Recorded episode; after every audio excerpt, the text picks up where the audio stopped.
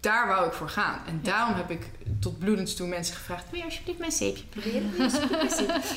en dat was heel veel werk. En dat is heel veel werk. Maar ik zag geen andere manier om dit gevaar weg te nemen. Hoi allemaal, superleuk dat jullie weer luisteren naar een nieuwe podcast. Ik zit vandaag aan tafel met Lotte van Pippa Soap, of Pippa Soap Aggression. Ja, dat mag allebei. Mag allebei. Ehm, we zitten bij mij weer lekker in de woonkamer. Het enige geluid wat jullie misschien op de achtergrond kunnen horen is, eh, zijn de graafmachines. Want ze zijn op dit moment mijn bak aan het afmaken. Super fijn, maar ik had even niet over nagedacht van, oh ja, die zijn bezig. En dat hoor je misschien toch een beetje, maar ik hoop niet te veel. Ehm, nou, zoals ik vertelde zit Lotta tegenover mij. Ik wil heel vaak Lotta zeggen, omdat het Pippa is. Snap je? Prima. Als je mijn merk en mijn naam nog een mooie combi van kan maken, dan... eh, Helemaal mooi. Eh, wij kennen elkaar een aantal maanden. We hebben elkaar nooit in het echt gezien, toch? Nee. Nee, Nou, ik heb wel shows van jou gezien. Oeh. maar ik heb je nooit, zeg maar, zo gezien. Ja, oké. Nee. Maar wij eh, hebben natuurlijk een samenwerking samen. Dat is vier, drie, vier maanden geleden begonnen, zoiets. Ja, dat denk ik. Februari? Ja. We gaan zo ook nog even Ja. eh, natuurlijk dieper op in hoe wij elkaar dus soort van kennen. Want dat was ook een van de vragen. Want ik had natuurlijk even een vraagsticker achtergelaten. Ehm, of mensen ook nog vragen voor jou hadden. Of voor mij of voor jouw bedrijf. Mhm. Maar ik denk dat het eh, leuk is om jou te leren kennen. Je producten te leren kennen. En natuurlijk ook weer hoe verder. Ja. Dus eh, wil je jezelf even voorstellen? Dat is denk ik het makkelijkste. ja. nou, ik ben Lotte Denik. Ik ben de eigenares van Pippa. Eh, de officiële naam is Pippa Paard en Ruiter trouwens. Maar dat is nog een beetje een ongoing project. Ja. Ehm, in mijn dagelijks leven ben ik interieurarchitect. Eh, maar ik heb altijd al willen ondernemen. Mhm. Ik heb ook eh, bedrijfskunde gedaan richting ondernemerschap. En met COVID had ik een beetje ruimte in mijn hoofd en een beetje ruimte om na te denken. En toen dacht ik, dit is een goed idee, dit ga ik doen. en toen ben ik begonnen in november 2020. Ja, en nu eh, gaat best wel goed. Gaat best wel goed. Het is een soort half marktleider aan het worden. in wat? In iets wat nog niet bestaat. Dus dat is... eh, nee, ja. Dus nu werk ik inmiddels een dag minder. Mhm. En ik hoop dat ik het steeds meer kan afbouwen.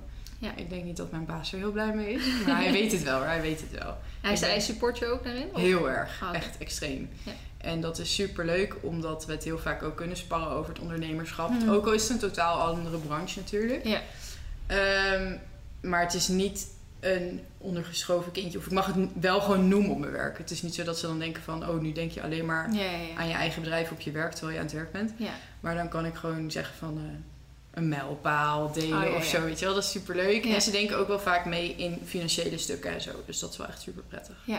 Oké, alles wat je net hebt gezegd gaan we even wat dieper op in. je ging vrij snel doorheen.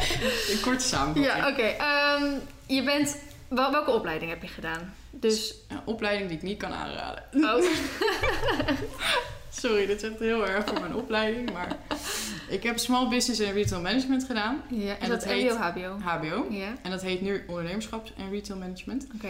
Het is ehm, bedrijfskunde, alleen dan zonder colleges. Je hebt geen tentamens. En je moet Lekker. alles in projecten... Nee, dat denk je. Oh. Dat denk je.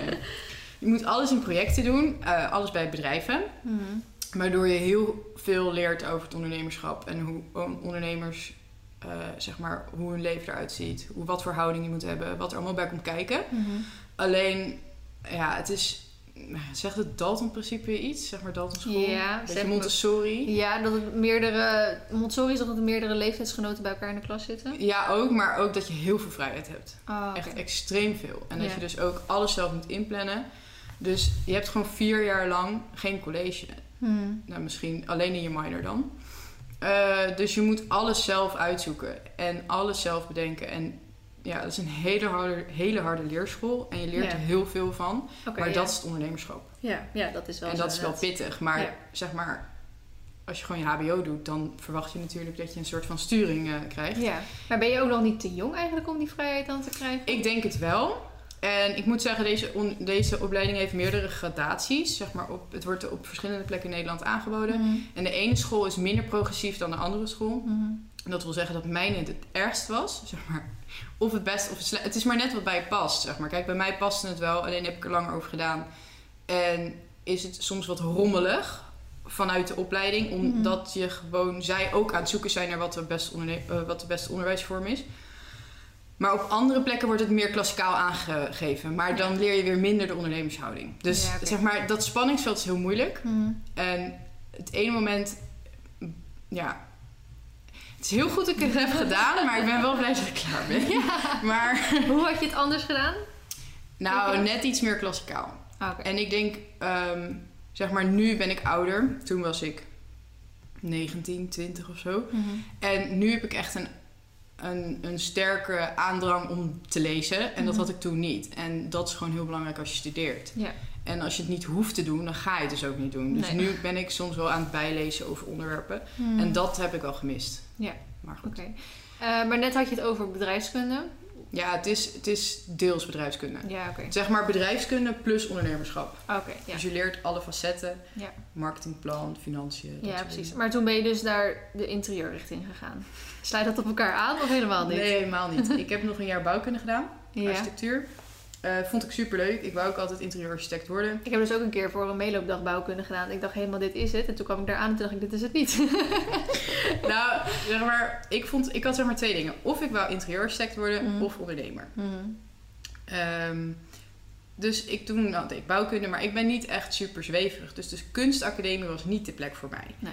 Eh, en toen kwam ik erachter dat toen ik op bouwkunde zat, echt super goed ingelezen trouwens, maar dat je dus ook nog de kunstacademie moet doen. Als je eh interieurarchitect wil doen. Dus dan Ah, oké. is het wel een goede weg. Ik kan het iedereen aanraden voor wie interieurarchitect wil worden. Doe eerst bouwkunde en dan een master, want dan Ja. sta je super sterk in je vak. Mhm. Maar dat heb ik dus niet gedaan. En toen dacht ik na een jaar mijn propedeuse cum laude gehaald van... oké, dit is niet voor mij. Ook al was ik er wel goed in.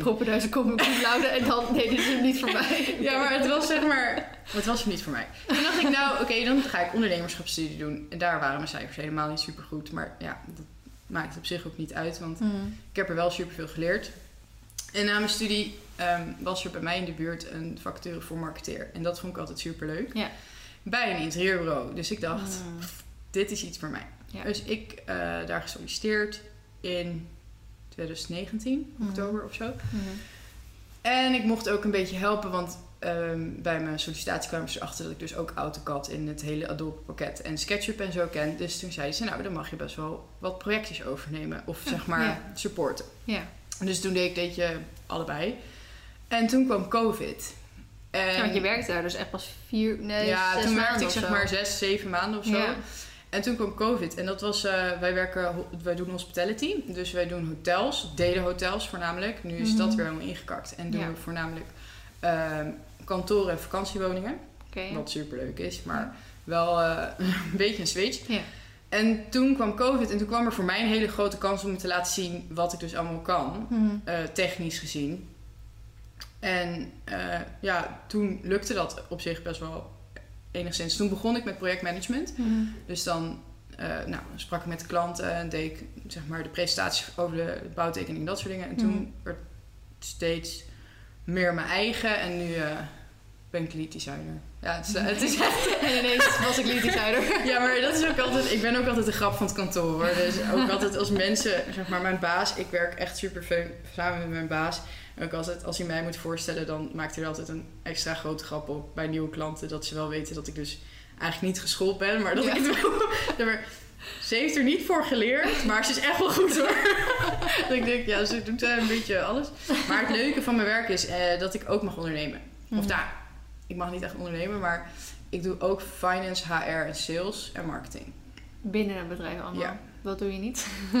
Ja, dat deed ik niet. Maar en dat is, zeg maar, ik vind het leuk dat ik daar de kans krijg om alles te mogen doen. Ja. En dat zegt mijn baas ook altijd van, het is zo fijn dat jij overal bij me wil meedenken. En dan vind ik het werk ook echt leuk. Ja. En als ik dat niet, zeg maar, als ik echt maar op één plekje mag blijven, dan word ik snel verveeld. Ja, snap ik. Zeg maar, als ik niet mag meedenken van, oh, dit zou zo sneller kunnen. Of, Ja. ja. En het blijft, klantcontact blijft echt superleuk met die grote Maar partijen. dat is best wel, is dat een, een relatief klein bedrijf? Of? Ja, nou, we waren voor een studio enigszins groot, 12 Mhm. mensen, eh, door COVID. eh, waarvan trouwens twee ondernemers. Dus je hebt zeg maar twee ondernemers en dan tien medewerkers. Mhm. Eh, door COVID zijn we best wel hard geraakt. En zijn er toen alleen ik en een collegaatje overgebleven. Zo. Dat was best wel een stressvolle periode. Ja. Eh, maar zijn we wel sterker uitgekomen en we zijn nu weer aan het aannemen. Of tenminste, ik heb net weer de sollicitatierondes gedaan. nee, maar het is wel superleuk dat... Zeg maar, het lijkt nu alsof ik eh, daar binnenkom en eh, overal zo half bij kom. Maar ik krijg gewoon superveel begeleiding. En je Mm. mag... Het is gewoon... Je krijgt er 100% vertrouwen en je kan het alleen maar verpesten. En gewoon die werkinstelling, dat is iets wat ik echt wil meenemen in mijn eigen ondernemingen. Mhm. En daar kan je zoveel van leren als je, als je zeg maar de juiste instelling hebt. Ja, maar ik bedoel meer van eh, dat het zo'n klein bedrijf is, is echt heel chill. Want ik heb Ja. eh, even twee maanden een keer bij een, een best wel grote ja, bedrijf die voedsel maakt, zeg maar. En daar zou ik, deed ik dan een beetje een stukje marketing, sowieso social media content deed ik, twee dagen in de week. En ik werd helemaal gek daar. Ja. Omdat ik gewoon, als ik iets maakte en ik ben puur aangenomen op mijn ervaring. Want ik moest allemaal, ik moest een eh, communicatiediploma hebben of een marketingdiploma. Mhm. En ik was, zat toen net in mijn derde jaar van hippische bedrijfskunde of zo. Dus ik had al die dingen die zij wilde niet. Maar ik had de ervaring natuurlijk Ja. vanuit mijn werk. Dus op die ervaring ben ik aangenomen. En, maar ik ben gewend, als ik iets maak, dat ik het ook gelijk online zet. Ja. Dat er ook niemand naar hoeft te kijken. Ja, misschien inderdaad met een samenwerking even goedkeuring en dat je het dan mag online zetten. En nu had ik iets gemaakt en dan moest het door zes verschillende mensen gaat doorgekeken weer worden. omhoog, zeg maar in de Ja, ik werd er helemaal gek van. En dan ja. duurde het weer drie weken voordat je het had. En denk ik, ja, toen was de trend om het even zo te zeggen alweer voorbij. Ja. En dan eh, was ik weer te laat. Dus daar werd ik helemaal... Toen na twee maanden dacht ik, ik ben niet weg. Ja, ik heb eigenlijk ook toen ik was afgestudeerd, mijn grootste angst was, en dit klinkt misschien heel bot, maar mijn grootste angst was om op de Zuidas terecht te komen. met iemand met zo'n aktentas. En dan naar een kantoor te gaan. Ja, ja. En dan achter een bureau. En dan Ja, weer naar huis te gaan. Dat was echt mijn grootste angst. Hmm. Ik dacht, ik ga wordt echt zo. Want ik kom uit de horeca. Ik heb negen jaar in de horeca gewerkt. Mm. En ik was bedrijfsleider naast mijn HBO. En ik was gewoon zoveel om me heen gewend. Ik dacht, ja, als ik nu ga stilzitten, dat gaat echt, dat gaat het niet Nee. worden, joh. En bij dit kantoor, tuurlijk zit je stil achter je bureau, maar ehm, omdat het zo klein is, kan je gewoon, blijft het zo dynamisch. En ik denk dat ik nooit bij een groot bedrijf zou werken. Nee. Dat, Nee, denk dat zie ik past ook, echt eh, niet bij mij. nee. Dat je dan aan iedereen verantwoording moet afleggen is prima, maar het gaat allemaal zoveel trager. Ja. Ja. Dus- Maar goed, oké. dan was je Goed. dus... eh, ondertussen was je het halve bedrijf aan het overnemen. Nee, nee, nee, nee. Nee, Nee. Dat, is niet meer, dat is ook niet mijn intentie. Eh, en toen kwam COVID en toen had je in één keer wat ruimte. Ja, in mijn hoofd vooral. Hoezo Eh, in je hoofd? Ja, het was toen even wat stiller. Bij ons ook op werk. En ehm, ja, ontwerpen is best wel een mentaal vak. Heel creatief natuurlijk. Ja. Maar ook, je, je kan best wel je mee laten slepen in ontwerp. Dus dan, dan heb je het voor je en dan soms dan droom je erover dat je... Ik heb vaak dan droom ik over mijn ontwerp dat het al gebouwd is. En dat ik er Mhm. doorheen kan lopen. En dat ik dan bepaalde dingen zie van, oh ja, zo. Of oh ja, zo. Oh, ja. Nou, dat was even niet door COVID.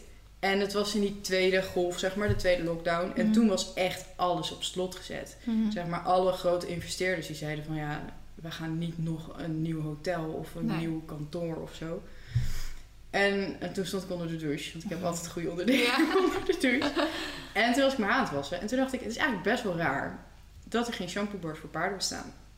Dat dacht je gewoon ineens. Ja, Gewoon- nou ja, omdat je het wel voor honden hebt. Tenminste, Ja. er bestaat er één volgens mij voor honden. Ja. En een groot merk. Ehm, en toen dacht ik, dat is best wel raar, want Maar dit, dit idee moet toch al ergens onderliggend in jou zijn? Want ik sta Ja. niet onder de douche en ik denk, Ja, oh, dat staat niet ja, paarden. misschien. Heb je al iets met, had je al iets met shampoo of met duurzaamheid of met... ja, ik was wel heel lang tussen het spanningsveld aan het zoeken tussen duurzaamheid en eh, Maar waarom? paarden. Omdat het me allebei interesseert. Mhm. Ehm, duurzaamheid is echt iets wat je in de bouw gewoon honderd keer per dag moet zeggen, anders geloof niemand je.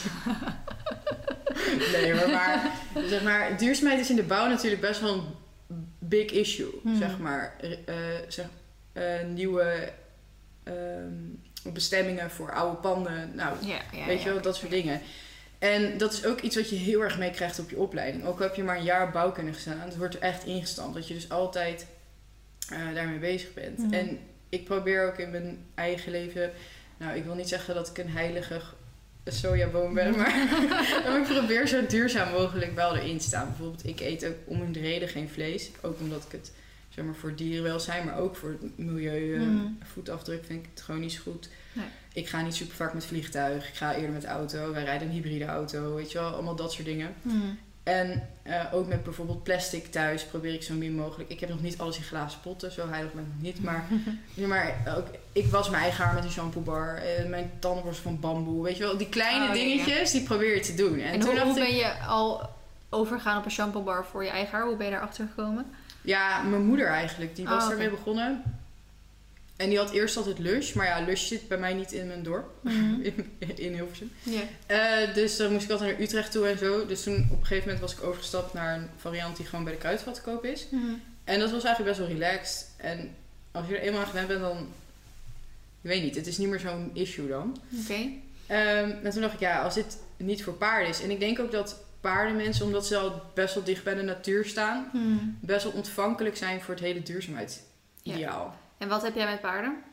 Nee, ik ben eh, altijd... Ja, dit hebben we helemaal niet gezegd. We hebben helemaal niet gezegd. Maar het is... Je slaat gewoon even je paard over. Ja, ik heb een paard. nee, ik reis sinds mijn vijfde. Oh, ik ben Lotte en ik heb een paard. Ja, nee, maar ik vergeet soms dat, zeg maar, ik praat met zoveel paardenmensen Ja, dag, dat ik vergeet dat mensen ge- ook geen paard kunnen hebben. nee, ik reis met mijn vijfde paard. En ik heb mijn eerste paard gekocht toen ik 19 was, denk ik. Mhm. En toen woonde ik heel goedkoop en toen verdiende ik best wel goed. dus toen kon ik wel, eh, zeg maar, wat missen elke maand. Mhm. En die is uiteindelijk verkocht. Omdat het zeg maar niet zo'n hele goede match was. Na twee jaar was het gewoon aan de hand echt compleet twee andere werelden. Onder het Mhm. zadel ging het wel goed, maar ik kon gewoon niet fijn met haar. Ja, ik had gewoon niet echt een band met haar, heel lullig gezegd. En toen dacht ik na twee jaar, ja, ik kan het wel blijven doen, maar er zijn altijd mensen die beter zijn voor mij. Ik bedoel, ik ben niet de enige die een paard kan hebben. Ik bedoel, Nee, er zijn heel veel mensen die dit waarschijnlijk op dat moment een stuk beter konden dan ik het kon. Ja, Ik vind dat sowieso, want heel veel mensen zeggen altijd... eh, ik zou mijn paard nooit verkopen, want je eh, verkoopt je hond of je, je kind of zo toch ook niet. En dan denk ik... eh, nee, als ik iets koop is het ook de bedoeling dat het voor altijd blijft. Ja. Maar het kan toch zijn dat het gewoon vanuit beide kanten niet matcht. En dan is er altijd Ja. wel iemand anders die wel dat geluk of die liefde of die vriendschap aan jouw paard kan geven. En dan is er ook weer een Ja. ander paard voor jou. Ik denk, ja, dat hoeft niet zo moeilijk in te zijn. Nee, ik denk nee. En dat had ik me. Ik vond het toen wel moeilijk, maar toen was ik ook jonger. En Mm. ik denk ook dat het toen minder. Je hoort dit standpunt wel nu wel vaker op bijvoorbeeld Instagram en zo. En dat het ook iets no- normaler is of zo om zo erin te staan. Mhm. Ehm, maar dat paard had best wel een geschiedenis. Eh, die was wel wat ouder en die was niet echt altijd even lief behandeld. En toen dacht ik, dit wil ik nooit meer. Nee. Dus toen kocht ik een paard van de fokker. Ehm super veel van geleerd. Ik denk niet dat ik het nog een keer ga doen. Mhm. Ehm, maar zij was vijf weken onder het zadel en toen heb ik haar gekocht. En toen heb ik er zelf doorgereden met ehm, een lach en een traan, zeg maar. Ja. Maar goed, eh, het is niet dat ik altijd nu jonge paarden ga kopen. Dat denk ik eigenlijk zelfs Nee. niet. Ik heb ook gezegd, ik wil eigenlijk gewoon verder waar ik met Olympus gebleven ben. Ja. En dan liefst eigenlijk nog wel iets verder. Dat hij ook al een parcourservaring heeft of zo, weet je wel. Ja, inderdaad. Eh, dus ja, ik heb nu vier, vijf jaar Mhm. eh Indie. En ze is eh, nu net acht. Ik ben weer de verjaardag vergeten. Ja. Het is al de derde keer. Zo gênant. Ik zat Ah, zo- zolang je maar niet zegt dat ze op 1 januari jarig is, dan Nee, ben nee, zo nee. allergisch voor. 6, 6 juni. Maar goed, het is al 6 juni geweest. Ja, een maandje geleden. maar. Ja, ik kwam gisteren achter. Ehm, maar ze is dus nu 8. Ja, oké. En eh, we springen en we dressuren. Mhm. En was je dan in je omgaan met paarden ook al met duurzaamheid bezig? Of? Eh, ja, maar ik moet wel zeggen dat er gewoon eigenlijk niet zoveel is. Nee. Ik ken dekens die gemaakt worden van petflessen. Ja. En daar houdt het eigenlijk wel mee op. Ja. En ja, misschien zadels die van nepleer gemaakt zijn of zoiets. Ja, maar ehm, in dat soort... Kijk, duurzaam is ook wel een term die je van heel veel kanten kan bekijken. Ja, je, Want- moet, je moet niet duurzaam als vegan bijvoorbeeld zien. Nee, en ik denk ook dat dat verschillende standpunten... En dat iedereen er anders over denkt. En dat duurzaamheid voor iedereen een ander gevoel is. Eh, maar ik zou dus persoonlijk geen PU, zeg maar nepleren zadel kopen. Ik heb er trouwens wel een, maar dat is een ander verhaal. dat is gewoon een heel chill ding. Zo'n Tecna, ja, dat is gewoon een chill Ja, ding. je hebt ook dat, ja. Eh, maar zeg maar een leren zadel, zeg maar ik zou, als het gewoon goed ligt, dat, dat is even punt 1. En punt 2, in mijn ogen gaat een leren zadel gewoon langer mee. Ja. En is ook makkelijker te vervangen, makkelijker aan te passen. Eh, als een keer wat stuk gaat, weet je, dan kan je wat meer mee doen dan een plastic ding. Of ik- ja, zeg maar een windtek. Alles wat je aan een windtek gaat veranderen, go- gooi je er toch weer leer op. Dus dan denk ik. Maar goed, dus ik, in mijn ogen is duurzaamheid erg zo lang mogelijk mee doen. En Ja. zo lang mogelijk ehm, kunnen aanpassen of zeg maar passend kunnen houden voor jouw paard. Ja. Eh, en dat is ook de reden waardoor ik eh, nu bij mijn dressuurzadel en boomloos en ehm, meerdere bomen, zeg maar. Ja. zeg maar. Er zit nog wel een boom in, maar heel klein. Ja, ja. Maar die moet het als het goed is gewoon als mijn paard heel erg aankomt. Of als, weet je, ik kan er Ja, gewoon... ja. Die pommels zijn dat meer, toch? Nee, het is van Edix. Oh, dat ken ik niet. Hele leuk zaal. Eh, nee, maar zeg maar, ik zoek... Ik probeer gewoon in mijn keuze in mijn leven gewoon te kijken van... Niet per se uit kostenoogpunt. Natuurlijk is het ook chill als je er ergens langer mee kan doen. Maar eh, uit financiële overweging. Maar ook, kijk, als ik nu iets aanschaf... En ik kan het blijven aanpassen aan mijn paard binnen bepaalde range natuurlijk. Want als het Mhm. niet past, dan past het niet. Mhm. Maar ja, dan waarom niet? Als die keuze er is. Ja. De- maar ik merkte verder dat ja, er is gewoon niet zo heel veel. Dus je stond in de douche en toen dacht je in één keer... er zijn nog geen... eh, Ja, er zijn nog geen shampoobars voor paarden. En toen Nee. ging ik het opzoeken. En toen vond ik één meisje in Nieuw-Zeeland die het deed. Mhm. Maar ja, zij verscheepte niet naar Europa. Dus ik dacht, ja, dan is er dus markt Ja. eh, voor mij. En zij had het echt al heel snel heel druk. Mhm. Zag ik, want ik had even de Instagram gestalkt. En ik zat te kijken Mhm. van beneden naar boven en zo. Ja. En ik denk, nou, volgens mij gaat het best wel goed. Het was een meisje van 15, 16 of zo. En die verkocht al best wel wat. Ja. En ik dacht, nou, als zij dat... En ik weet helemaal niks over de paardencommunity in Nieuw-Zeeland. Dus het Mhm. was ook marktonderzoek van, hè, niks. Maar ik dacht, als het in Nieuw-Zeeland zo goed gaat... dan Mhm. moet in Nederland natuurlijk hier ook ehm, markt en vraag naar zijn. Ik denk eigenlijk alleen nog maar meer. Ik denk ook meer. Maar goed, nogmaals, ik heb geen idee hoe Nieuw-Zeeland in elkaar zit. Maar eh, ik kon gewoon niks vinden. Ik kon dan eentje vinden die toevallig ook in Nieuw-Zeeland had gemaakt. Een washbar of zo. En dat is dan... Maar er zit palmolie in. En daar... eh zij zei duurzame palmolie. Nou, dat geloof ik niet. Maar... Mhm. Dus toen dacht ik, nou... Dan ga ik iets ontwikkelen. Maar, hoe, maar, maar hoe doe je dat? Had jij al verstand van zeep? Nee. Of is het echt gewoon googlen en... Ja, heel veel batches maken. Dus Mhm. eh, heel veel proberen. Ik maakte wel altijd al zelf shampoo voor mijn paard. Niet in de vorm van dat ik bijvoorbeeld zeep maakte voor haar. Maar Mhm. ze, mijn paard heeft en eczeem en ze heeft heel vaak wondjes omdat het gewoon super lomp is. Dus dan, wat ik dan deed was gewoon flesjes tree of flesjes propolis bij mijn vloeibare zeep doen. Mhm. En eh, dus ik had het allemaal verschillende mengsels staan. En ik dacht, ja, dus ik, ik zeg maar, het is niet wetenschappelijk bewezen. Het is ook geen medisch hulpmiddel, dat wil ik even heel dik onderstrepen. Mhm. Het is geen medisch hulpmiddel, maar ik merkte dat het werkte. Dus Mhm. waarom als het voor mijn paard werkt, en ook trouwens voor mezelf, ehm, waarom zou het dan niet voor andere mensen werken of andere paarden? En toen eh, ben ik gaan zoeken hoe je dus shampoobar maakt. Mhm. Of zeep überhaupt. En toen heb ik heel veel geprobeerd. En toen uiteindelijk kwam ik op een vorm, grootte en hoeveelheid. Natuurlijk, Ja. want een paard is groter dan een mens. En Ja. ehm, ja, toen ben ik dat uiteindelijk gaan testen op mijn paard en met stalgenootjes en zo. En toen werkte dat best wel oké. En toen dacht ik, nou, ik gooi het gewoon eh, op Instagram. en dat deed ik toen nog allemaal via DM. Mhm. En ja, toen ging het wel goed. En toen dacht ik, nou, dan maak ik maar een webshop. En het is zeg maar van het een en het ander gegaan. Ja, en ik wist wel, zeg maar, dit is mijn link tussen ondernemen en paarden. Ja. Die heb ik nu gevonden. En Ja. dat was gewoon Heel fijn. super vet. Ja. Ja. En dat is inderdaad ook iets was wat ook nog niemand anders eigenlijk... Ja, behalve die in Nieuw-Zeeland dan, maar... Ja, nee, ja. en- Ja, ja, en dan... Kijk, zeep is natuurlijk niet een nieuwe uitvinding. Nee. En zeep, natuurlijke zeep niet en duurzame zeep niet. Dat is allemaal geen nieuwe uitvinding. Mhm. Dus er was ook al superveel over bekend. Ja. Dus er was al bekend hoe je zonder chemicaliën zeep maakt. Ik bedoel, en, en sterker nog, vroeger maakten we al, de mens altijd zo zeep. En Mhm. op een gegeven moment zijn we gaan bedenken dat er nog chemische toevoegingen bij gaan komen. Zodat wij alles eigenlijk gemodificeerd hebben.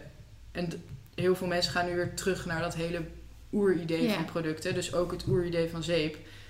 En ja, daar zeg maar ben ik verder op gaan borduren. En ik had die propolis en tree had ik natuurlijk al in huis. Ja. Dus dat ben ik gewoon gaan mixen. En, Heel Heel veel testjes, ja. maar want je bent dus echt begonnen met zelf de bars te maken. eh, ja, Maar dat doe je nu niet meer. nee, gelukkig niet, nee. Zo, ik werd er helemaal gek van. Ja? Zeep maken is knijtleuk, maar ook ingewikkeld, vies, een troep. eh er kan heel veel fout gaan. Ehm, het is niet altijd even eh, veilig. ik heb een nodige brandon. Ja, maar oké. Oh, oké. Misschien moet ik dat even uitleggen. Heel veel mensen snappen dat niet. Omdat er zeg maar, dan vragen ze, maar olie maakt toch niet schoon? Ehm, zeep is een natuurlijke reactie tussen een olie en een loog. En loog is heel zuur. Mhm. En als dat maakt een reactie tot elkaar. En dan uiteindelijk wordt dat zeep. En de Mm. zeep is weer pH-neutraal. Ja. Maar, en olie, weet ik even niet wat voor pH, maar zeg maar die loog is heel basisch. Dus even een beetje scheikunde eh, van de middelbare school. dus dat is heel basisch. Dus dat, als je dat op je hand krijgt, kan, kan dat branden. En dat is Mm. ook niet iets wat super makkelijk verkrijgbaar is. Eh, dus daar moet je gewoon een beetje je weg in vinden. En er zijn ook nog heel veel manieren om zeep te maken. Ja. Eh, en ook niet alle manieren passen weer bij paarden. Want je kan ook zeep maken op een andere manier. ehm, zeg maar, dat het wat wel mooier eruit ziet. Dus bijvoorbeeld, onze zeepen zijn best wel robuust. Mhm. Zeg maar, zijn een beetje eh, ruw misschien aan de Mhm. oppervlakte. Maar je hebt ook zeepen bijvoorbeeld in de supermarkt. Zoals een stuk dolfzeep of zo, ik weet het niet. Mhm. Die zijn best wel glad. Ja, die worden op een andere manier gemaakt, maar die zijn ook een stuk minder sterk. En ja, ik wil natuurlijk wel een stuk zeep wat eh, niet erg is als het valt op de poetsplaats. Of wat gewoon Ja. een stootje tegen een zadelkar. Of weet Ja. je, een stal is een andere omgeving dan een badkamer. Ja. En vanuit daar ben ik zeg maar gaan zoeken welke productieprocessen precies passen bij eh, wat wij bij paarden nodig hebben. Ja. En dan is het ook nog zo dat je heel veel verschillende kanten op kan gaan tussen je verhouding loog en je verhouding olie. Mhm. Eh, en de bij, bijolieën die je doet.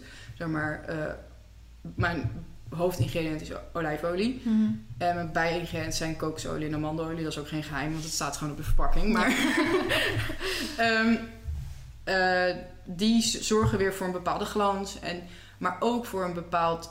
eh, of het nou heel erg schoonmaakt. Of dat het meer conditioner vorm Ja, precies. En Ja. daar zit ook nog superveel tussen. Ja. Als je harde olie toevoegt, wordt het een harde zeep. Als je Mhm. zachte, weet je. Dus, en in die recepten heb je ook weer zoveel varianten. Dus toen ben ik gewoon gaan zoeken naar iets wat enigszins oké is. Dat het valt, dat het niet breekt. Dat het niet super snel... Mhm. Uit elkaar valt. En, eh, ja, en dat het niet super snel slijt. Dus dat Mhm. je er wat langer mee kan doen. Ja. Dus ja, dat was een heel... eh, Dat is best een. eh, maar dat, dat is best wel. Heb je dan al in een korte tijd. Want als ik dat zo denk, dan denk je, ben je toch jaren mee bezig om erover na te denken. Ja, maar ik ben gewoon mega fanatiek in dingen.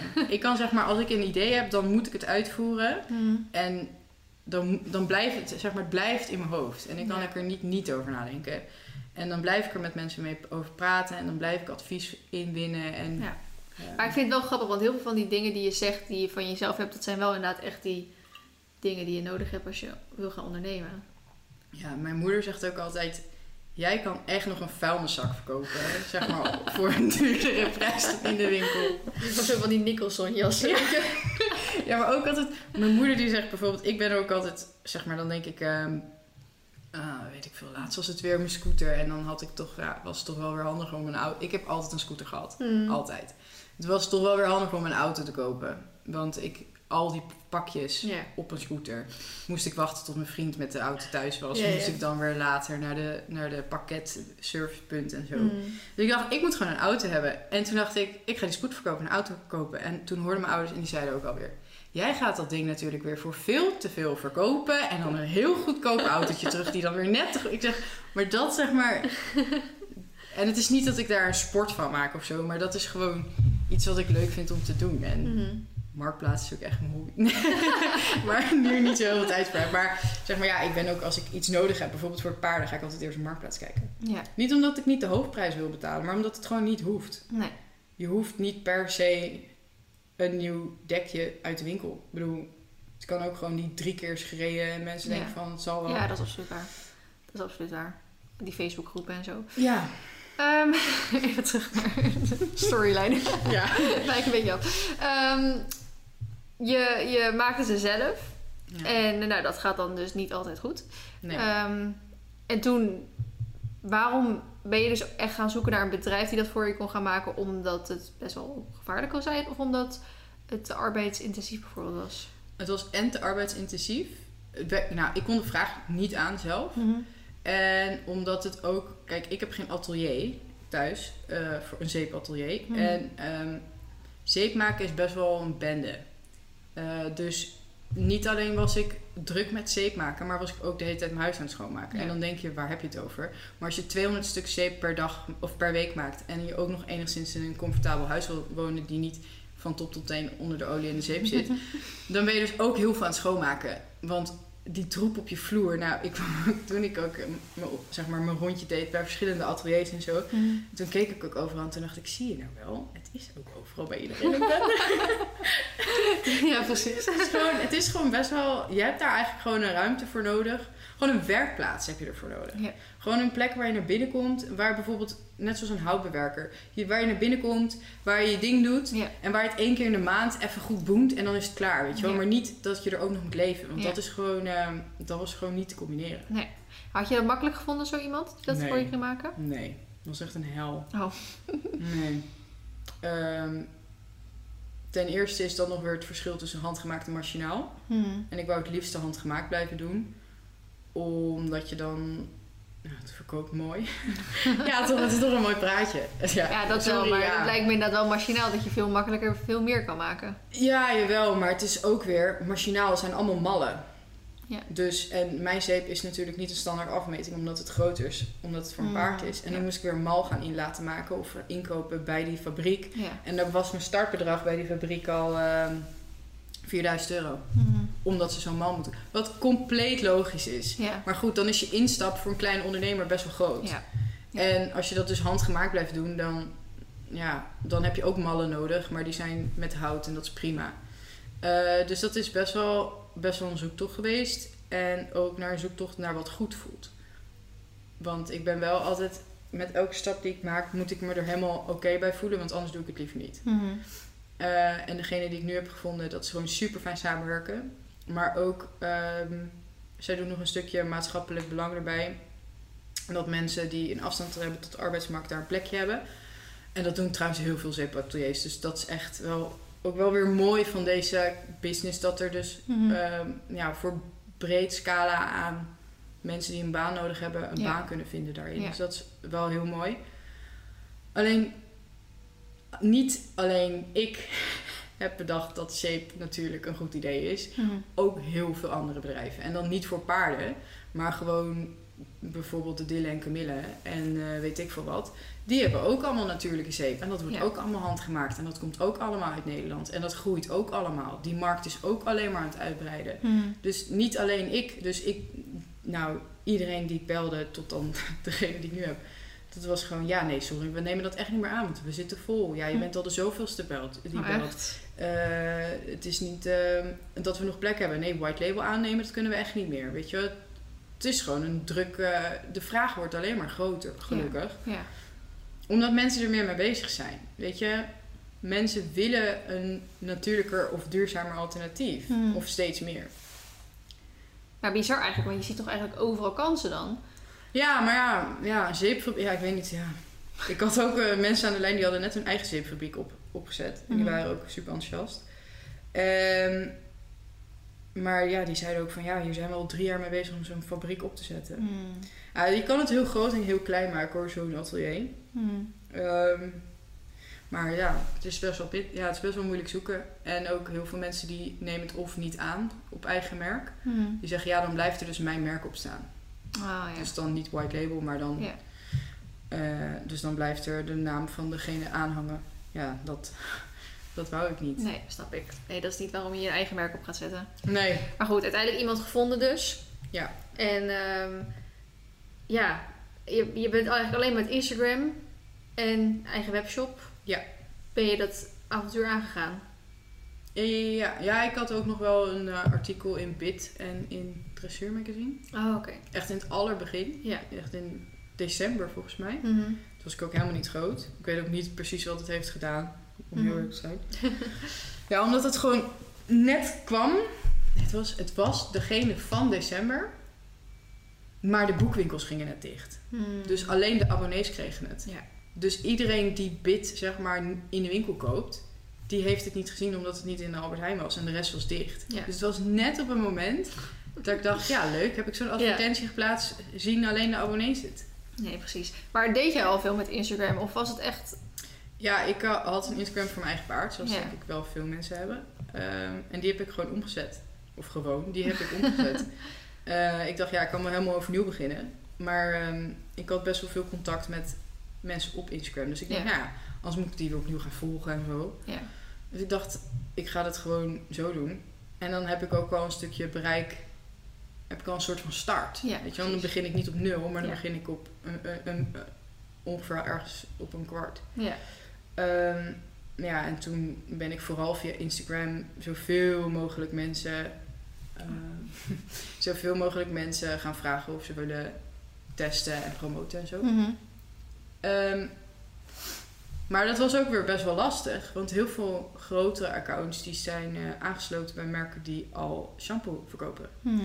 Dus die hebben zo'n clausule in hun, eh, clausule in hun eh, contract dat ze dan niet andere shampoos Ja, mogen en dat vind ik zo bullshit, hè?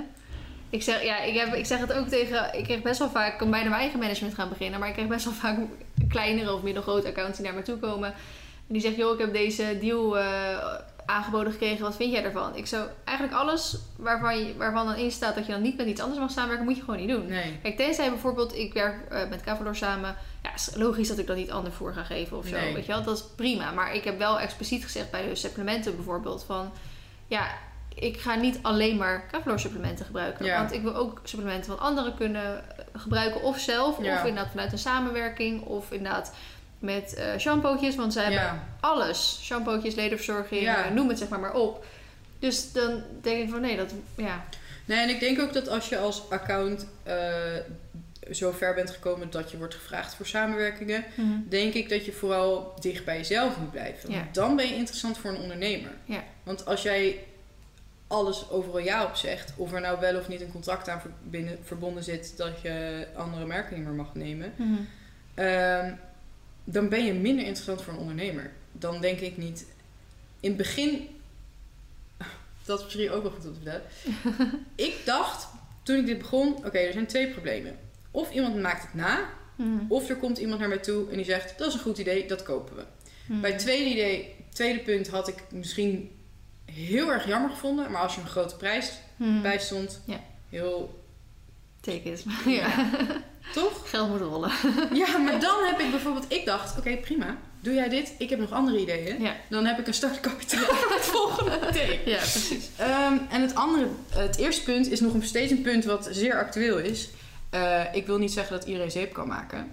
Maar net zoals bijvoorbeeld met touwhalsters, zie je Mhm. ook dat één iemand, één Instagram-account, ik weet even niet meer wie, maar die is daar super goed in en die doet dat heel veel. En die Ja, heeft een Horse Charms was een van de eerste. ja, die heeft een heel groot marktaandeel Ja. Even Instagram-wise gezien. Eh, dat zou technisch gezien ook met eh, zeep kunnen doen. Ik zou het niet aanraden, want het is echt... eh, het is best een gedoe. En de touwhalserknopen heb je nog wel redelijk zo gedaan. Maar ja, nou, doe je ook al een gedoe Ja, hoor. Maar Om ja. dat goed te doen is ook nog een kunst. Het is gewoon een chemisch proces wat je, wat je doet. Ehm, maar wat wil ik zeggen? Oh ja, dus ik dacht van... Wat ik dan kan doen is... Uit de marketingboekjes geleerd. Nee, maar eh, wat ik dan kan doen is... Heel veel mensen maar gewoon gaan benaderen. En zorgen Ja. dat ik zo groot mogelijk word. Ja. Dat er op een gegeven moment een turning point komt. Dat als er nog iemand anders dit gaat doen. Dat ze dan zeggen, ja maar hallo. Nu Dat heb jij gewoon van Lotte gepikt. Ja, kan je niet iets anders bedenken? Ja. En daar wou ik voor gaan. En daarom heb ik tot bloedens toe mensen gevraagd... Wil je alsjeblieft mijn zeepje proberen? Wil je alsjeblieft mijn zeepje?" en dat was heel veel werk. En dat is heel veel werk. Maar ik zag geen andere manier om dit gevaar weg te nemen. Ja. Want eh, ik kan een patent of een octrooi aanvragen. Mhm. En dat ga ik ook zeker doen. Dat ligt zeker in het verschiet. Mhm. Ehm, en ik heb al wat juridische stappen ondernomen voor merkbescherming Mhm. en ideebescherming. Maar echt een octrooi is gewoon 12.000 euro. Ja. En eh, dat is nu eh, nog even niet. Ja, voor Maar- mensen die niet weten wat dat is. dus eigenlijk als je een idee hebt, dan kan je dat dus soort van kopen. En dan Mhm. mag dus letterlijk gewoon niemand dat... Ja, Ook, het- maar dat is de- de- om een reden zoveel. Want anders gaat iedereen allemaal ideeën lopen inslaan, zeg maar. En dan misschien niks of wel uitbrengen. En dan blijft Ja. er geen idee meer over. ja, je hebt daar zeg maar twee dingen nog in. Je kan je merknaam beschermen slash idee. Dat is niet zo super duur. Mhm. Eh, maar dat gaat om de naam Pippa. Mhm. Dus dan mag niemand meer de naam Pippa doen. En tenzij je bijvoorbeeld een kapsalon eh, begint of zo, weet je wel. Dan... Ja, eh, inderdaad. Uit een andere branche Ja, mag het wel. Maar als jij in de KVK ingeschreven staat als iets in de paardensector, dan zou het niet mogen. Nee. En dan zijn dat dus een merknaambescherming. Dat zijn gewoon bedrijven, juristen die dat de hele dag checken. Of Ja. die daar, zeg maar, ik neem aan dat ze daar big data voor gebruiken. Maar die in ieder geval computersystemen hebben die dat checken of het nog een keer wordt aangevraagd. Mhm. Eh, de KVK is ook houdt daar ook al een stukje tegen. Dus dat is ook wel super chill. Je kan niet nu nog een keer Pippa Paard en Ruiter inschrijven. Ja. Eh, maar dat is bescherming. En je hebt inderdaad echt idee slash eh, intellectueel eigendombescherming. Klinkt allemaal heel heftig. Maar, en dat gaat erom dat er gewoon niemand dit nog een keer mag doen. En dan kan je ook nog kiezen bijvoorbeeld in een land of in een gebied. Of wat Ja, ja, precies. Europa, welke markt en zo. ja. Maar ja, dat, eh, ja, dat, ja, ik ben er wel, het is wel opgestart, maar het is gewoon. het is wel een investering. Ja, ja, en dan moet je wel even naartoe groeien. Ja, dus nu dacht ik gewoon, ja, dat kan je gewoon als startende onderneming niet betalen. Nee. Of je moet iemand hebben, of je moet een eh, geld hebben eh, wat je over hebt of zo. Of, Ja. eh, Maar als moet je erover sparen. ja, of zeg maar, stel je voor, je hebt echt een super groot startkapitaal voor je bedrijf. Dan zou ik zeker dat gaan doen. Dan zou ik Mhm. dat echt, als je een nieuwe uitvinding hebt, zou ik daar echt 100% je geld aan besteden. Mhm. Maar het enige wat ik kon doen is, nou, dan maar zo, zo bekend mogelijk worden. Ja. En dan maar gewoon zoveel mogelijk je laten zien. Ja. ja, precies. En dat is denk ik wel redelijk geleidelijk gegroeid, toch? De mensen... Weet je, want ik, ik zit even na te denken bij wie ik hem als eerste voorbij heb zien komen. Oh, dat durf ik niet zeggen. Nee? Ehm, Ik heb bij... ehm, was Madeleine voor mij? Was het niet? mm, Ja, maar voor Madeleine waren er ook wel wat. Ja. Eh, Pippi van ehm, VDS Stable. Die zit al best wel lang als Ja, promotor. ja. Die eh, het paard van eh, dingen heeft. Ja, Iedereen van eh Romy. Ja. Ja. Ehm, Maar goed, ik zag hem in ieder geval een paar keer voorbij komen ergens, volgens Ja. mij. Nog niet superveel, want het was redelijk in het begin. ja. ja, ik ben En- er echt vanaf januari zeg maar mee begonnen. Ja, en in februari kregen wij contact, volgens mij. Ja, ik had al wel eerder contact met jou met Miranda gehad. Want jij was, ik ben gewoon in, toen ik ben begonnen, ben ik zoveel mogelijk mensen gaan benaderen. Mhm. Tenmin- nee, dat zeg ik verkeerd. Dat is helemaal niet waar. ik ben mensen gaan benaderen waarvan ik denk dat ze bij mij passen als persoon en als bedrijf. Want als eh, ze niet passen als persoon als bedrijf, dan voelt het niet goed, ga ik het niet doen. Nee. Ehm, maar ik wou ook een beetje... Ik had geen idee hoe ik influencers, hoe dat werkt, hoeveel je moet betalen, wat eh, normaal is, wat eh, hele grote tarieven zijn, wat kleine tarieven zijn. Mhm. Ik wist dat niet. Dus ik dacht, nou, ik vraag gewoon... Dat is eigenlijk hetzelfde als je eh, voor andere producten. Ik vraag gewoon heel veel offertes uit. Ja. En dan kijk ik wat ongeveer passend is. Nou, toen was dat hele offertes aanvragen bij influencers allemaal niet zo moeilijk. Dat was niet zo standaard als dat ik dacht. Nee. Het is niet zo van, ik ga een keuken bouwen. Ik doe even een paar keukenboeren. En dan hoor ik het wel, dan kies ik er gewoon één. Nee, dat Nee. was niet zo. Nee. Ehm, dus dat was ook een beetje aanvoelen. eh, hoe dat allemaal werkt en hoe dat allemaal zit. En eh, ja, toen heb ik dus volgens mij in december of zo een keer jou gemaild. En toen kwam Miranda, jouw manager, daarop terug ergens in februari. En toen is zo Oh, het balletje gaan rollen. Oh, Wist ja, ik- Waarschijnlijk wist ik dat toen wel, maar nu ben ik het alweer lang vergeten. Ja, nou ja, dat is zo toen. Ja. Dat is zo toen Ja. gegaan. Nee, ik geloof, wij hebben toen... ehm, ja, ik weet wat ik zeg, ik weet niet meer hoe dat ging. Maar normaal gesproken gaat het dan dat ik inderdaad een DM binnenkrijg. Dat Ja, ik had jou meteen gemaild. Dus toen of, kwam ik... ja, of een mail inderdaad. Ehm, dan reageer ik daar of soms wel gelijk op, of soms niet. Dan stuur ik het gelijk door naar Miranda. En dan neemt Miranda... Of ik stuur een berichtje terug van... Hé, hey, lijkt me leuk. Eh, Mhm. ik stuur even je berichtje door naar Miranda. Die neemt contact met je op. Of ehm, ik stuur het gelijk door naar Miranda. En ik zeg, joh, zou je misschien contact Ja. willen opnemen? Dus soms zit ik er nog even tussen en soms niet. En dan gaat Miranda inderdaad contact opnemen... om, te, om even de polshoogte te nemen met ook wat budget en zo is. Ja. En wat ook iemand eh, terug wil zien voor een budget eigenlijk. ja, wat je idee is. Ja, want eh, sommigen die vragen bijvoorbeeld best wel veel geld en dan word je maar één keer benoemd eigenlijk. Of komt één keer je product Mhm. voorbij. En wij zitten wat meer op de tour om het te herhalen. Want uiteindelijk is marketing herhaling of Herhaling. is marketing, hoe je het maar wil zien. Ehm, en zeker, we hebben heel erg gemerkt in corona toen. Ik, toen ehm, ik zit natuurlijk ook bij Go Social. Maar Ja. ik heb natuurlijk ook Miranda als mijn eigen pri- eh, privé manager. Miranda heeft in een korte tijd al veel meer voor mij kunnen doen dan Go Social. Maar er komt gewoon Go Social heel veel influence bij. Ja. ik zo mijn maag is aan het knorren. maar eh, ik heb nog van de steeds niet al beter volgens mij. Ehm, dus daar komt gewoon een merk binnen. En dat Ja. is gewoon verdelen, zeg maar. Dus Miranda die gaat natuurlijk gewoon eh, puur voor mij. Ehm, we hadden best wel veel samenwerking in één keer. In één keer kwam corona Ja. en dat ging gewoon op slot allemaal. Al die bedrijven zetten hun marketingbudget gewoon Ja. op slot. Dus in één keer hadden we gewoon maanden niks. En we kwamen, toen kwamen best wel veel kleine ondernemers in één keer. Dat was natuurlijk ook helemaal een ding in corona. Dat je eh, kleine eh, small businesses Ja. moet supporten, weet Ja, je wel. Want ik dat, heb er helemaal niet over nagedacht dat dat dan positief voor mij is. maar, Maar daar merkten we heel erg dat we daar veel vraag naar kregen. En dat heeft geen zin om bij kleine ondernemers een hoog tarief te gaan vragen, want daar schrik je ze mee af. En, ehm, en met corona had het geen zin, want niemand had, had budget, Geld. zeg maar. Nee. Dus toen hadden we eigenlijk, eigenlijk een beetje de kleine, ehm, een kleinere samen. Nog steeds wel een wat hoger bedrag, maar dan inderdaad uitgespreid over een bepaalde periode. Dat je er eigenlijk veel meer voor terugkreeg.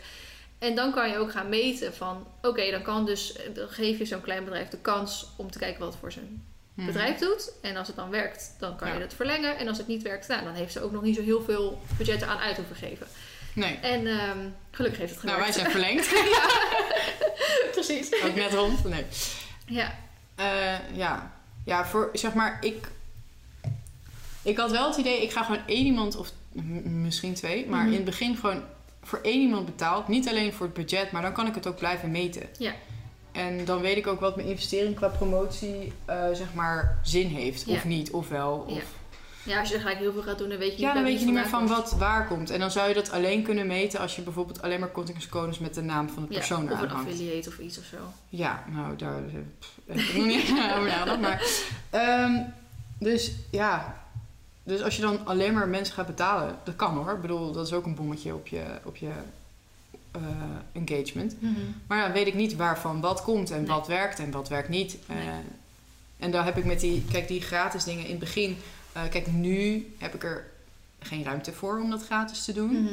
Of zeg maar om gratis, dat mensen ben- benaderen mij nu ook wel. Ja, ik heb een account, mag ik zeepjes promoten? Ja. ja, dat niet omdat ik arrogant ben, dat ik denk ik heb je niet meer nodig. Maar Ja. gewoon, ik heb er letterlijk geen tijd voor. Mhm. Want ik wil ook dat als mensen wat voor mij doen, dat ik erop kan reageren. Dat ik kan kijken hoe het is gegaan. Dat ik Ja. terugkoppeling kan geven van eh, dit heeft wel gewerkt, dit heeft niet gewerkt. Ja. Ehm, En dat ik het kan herhalen. En dat ik hem, zeg maar, het is voor mij niet, het is een samenwerking. Ja. Het is niet eenrichtingsverkeer. Nee.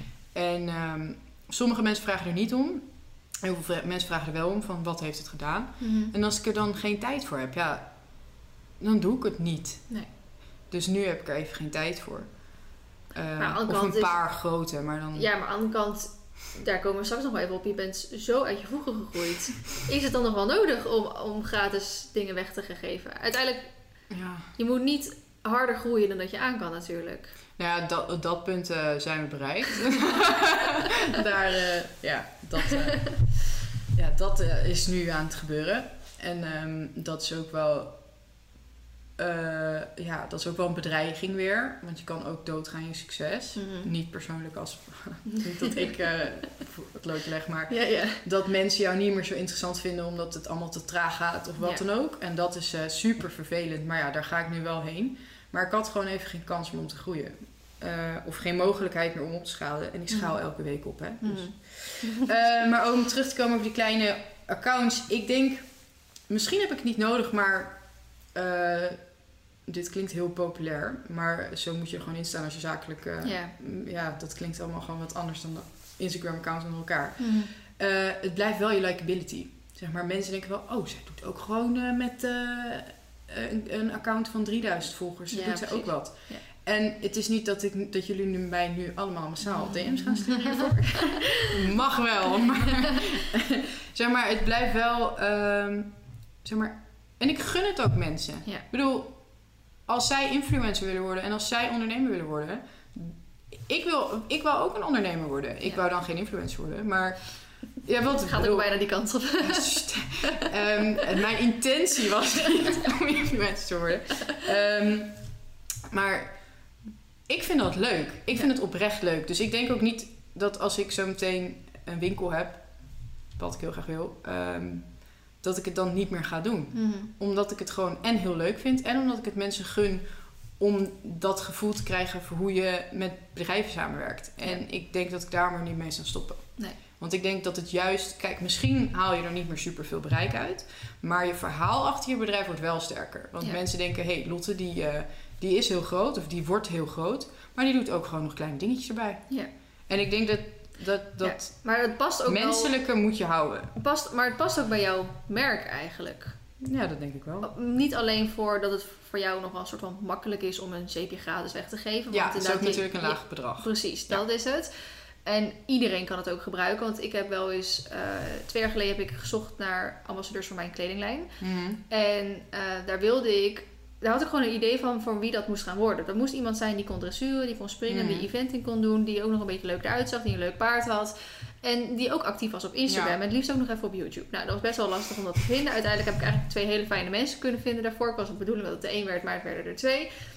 En ik heb zoveel negatieve reacties gekregen van waarom geef je niet een manegeruiter de kans om ambassadeur te worden? Of, of ik heb een verzorgpony. Of ik, eh, waarom moet het iemand zijn die Ja. heel groot is op Instagram? En dan denk ik, Ja, maar je moet er wel geld aan overhouden. ja, ik denk ik moet wel iets hebben aan Ja. die persoon, zeg maar. En dat vond ik dan wel lastig. Want ik, ik gun het jullie allemaal wel. Mhm. Maar ik moet er wel echt iets aan hebben. En Ja. dat, dat gaat niet. Ja, en dat is een spanningsveld waar je tussen zit. Kijk, ik geef heel erg gezegd onder de duizend kijk ik er niet echt naar. Mhm. Ik zeg niet dat dat niks waard is. Mhm. Maar ik zeg, dan kost het mij geld. Ja. Of dan kost het mij inspanning. En ik kijk niet zozeer naar eh, de getallen, zeg maar, in de vorm van hoeveel volgers. Maar ik kijk vooral naar het engagement percentage. Dus Ja. als jij zoveel volgers hebt, maar jij hebt... Bijvoorbeeld, je hebt 3000 volgers, maar 1000 likes... Dat is heel onrealistisch. Maar je, je hebt Dat is 1000 heel likes per... Dat kan helemaal niet, maar... En je hebt 1000 likes per foto Ja. dan ben je interessanter dan iemand die 15.000 heeft, maar die de helft heeft ingekocht. Of met winacties of Ja, met oh, volgen, games. Ja, zo. oh, en. Ja, maar- en dan zie je dat die engagement van die account super laag is. Dus ik had het er toevallig laatst ook... ehm, nou, Esmee, die doet ook eh, wat meer eh, samenwerking. En die was laatst bij mij eten. En die vroeg ook van... Ja, hoe als ondernemer, even de andere kant op... Kijk jij naar influencers? En ik zeg, ja... Ik zou het nou zo leuk vinden om mensen daarin te helpen. Want ik kan natuurlijk... Influencers helpen elkaar natuurlijk wel met e-books en in- eh, zeg maar Instagram cursussen en zo. Maar ik kan ook vertellen van wat het voor mij chill is, waarom ik iemand zou inhuren of waarom ik iemand zou vragen. En ik kijk dus helemaal niet naar het bereik. Mhm. Ik kijk echt naar, oké, jij hebt zo'n groot bereik, wat vertel je precies? Heb je alleen maar mooie plaatjes of zit er nog een soort van verhaallijn achter? Of doe je nog wat leuks erbij? Of vertel je over jezelf? Of, of heb je ook een kat? Of weet ik veel. Zeg maar, heb je dat extra's? Ja. En heb je een hoog engagement. Dus zeg maar niet 15.000 mensen die jou volgen en 100 likes. Daar Ja. doe ik niks mee. Nee, dat is hartstikke logisch inderdaad. Ja. Nou ja, maar ik denk dat veel mensen dat niet helemaal inzien. Tenminste, Nee.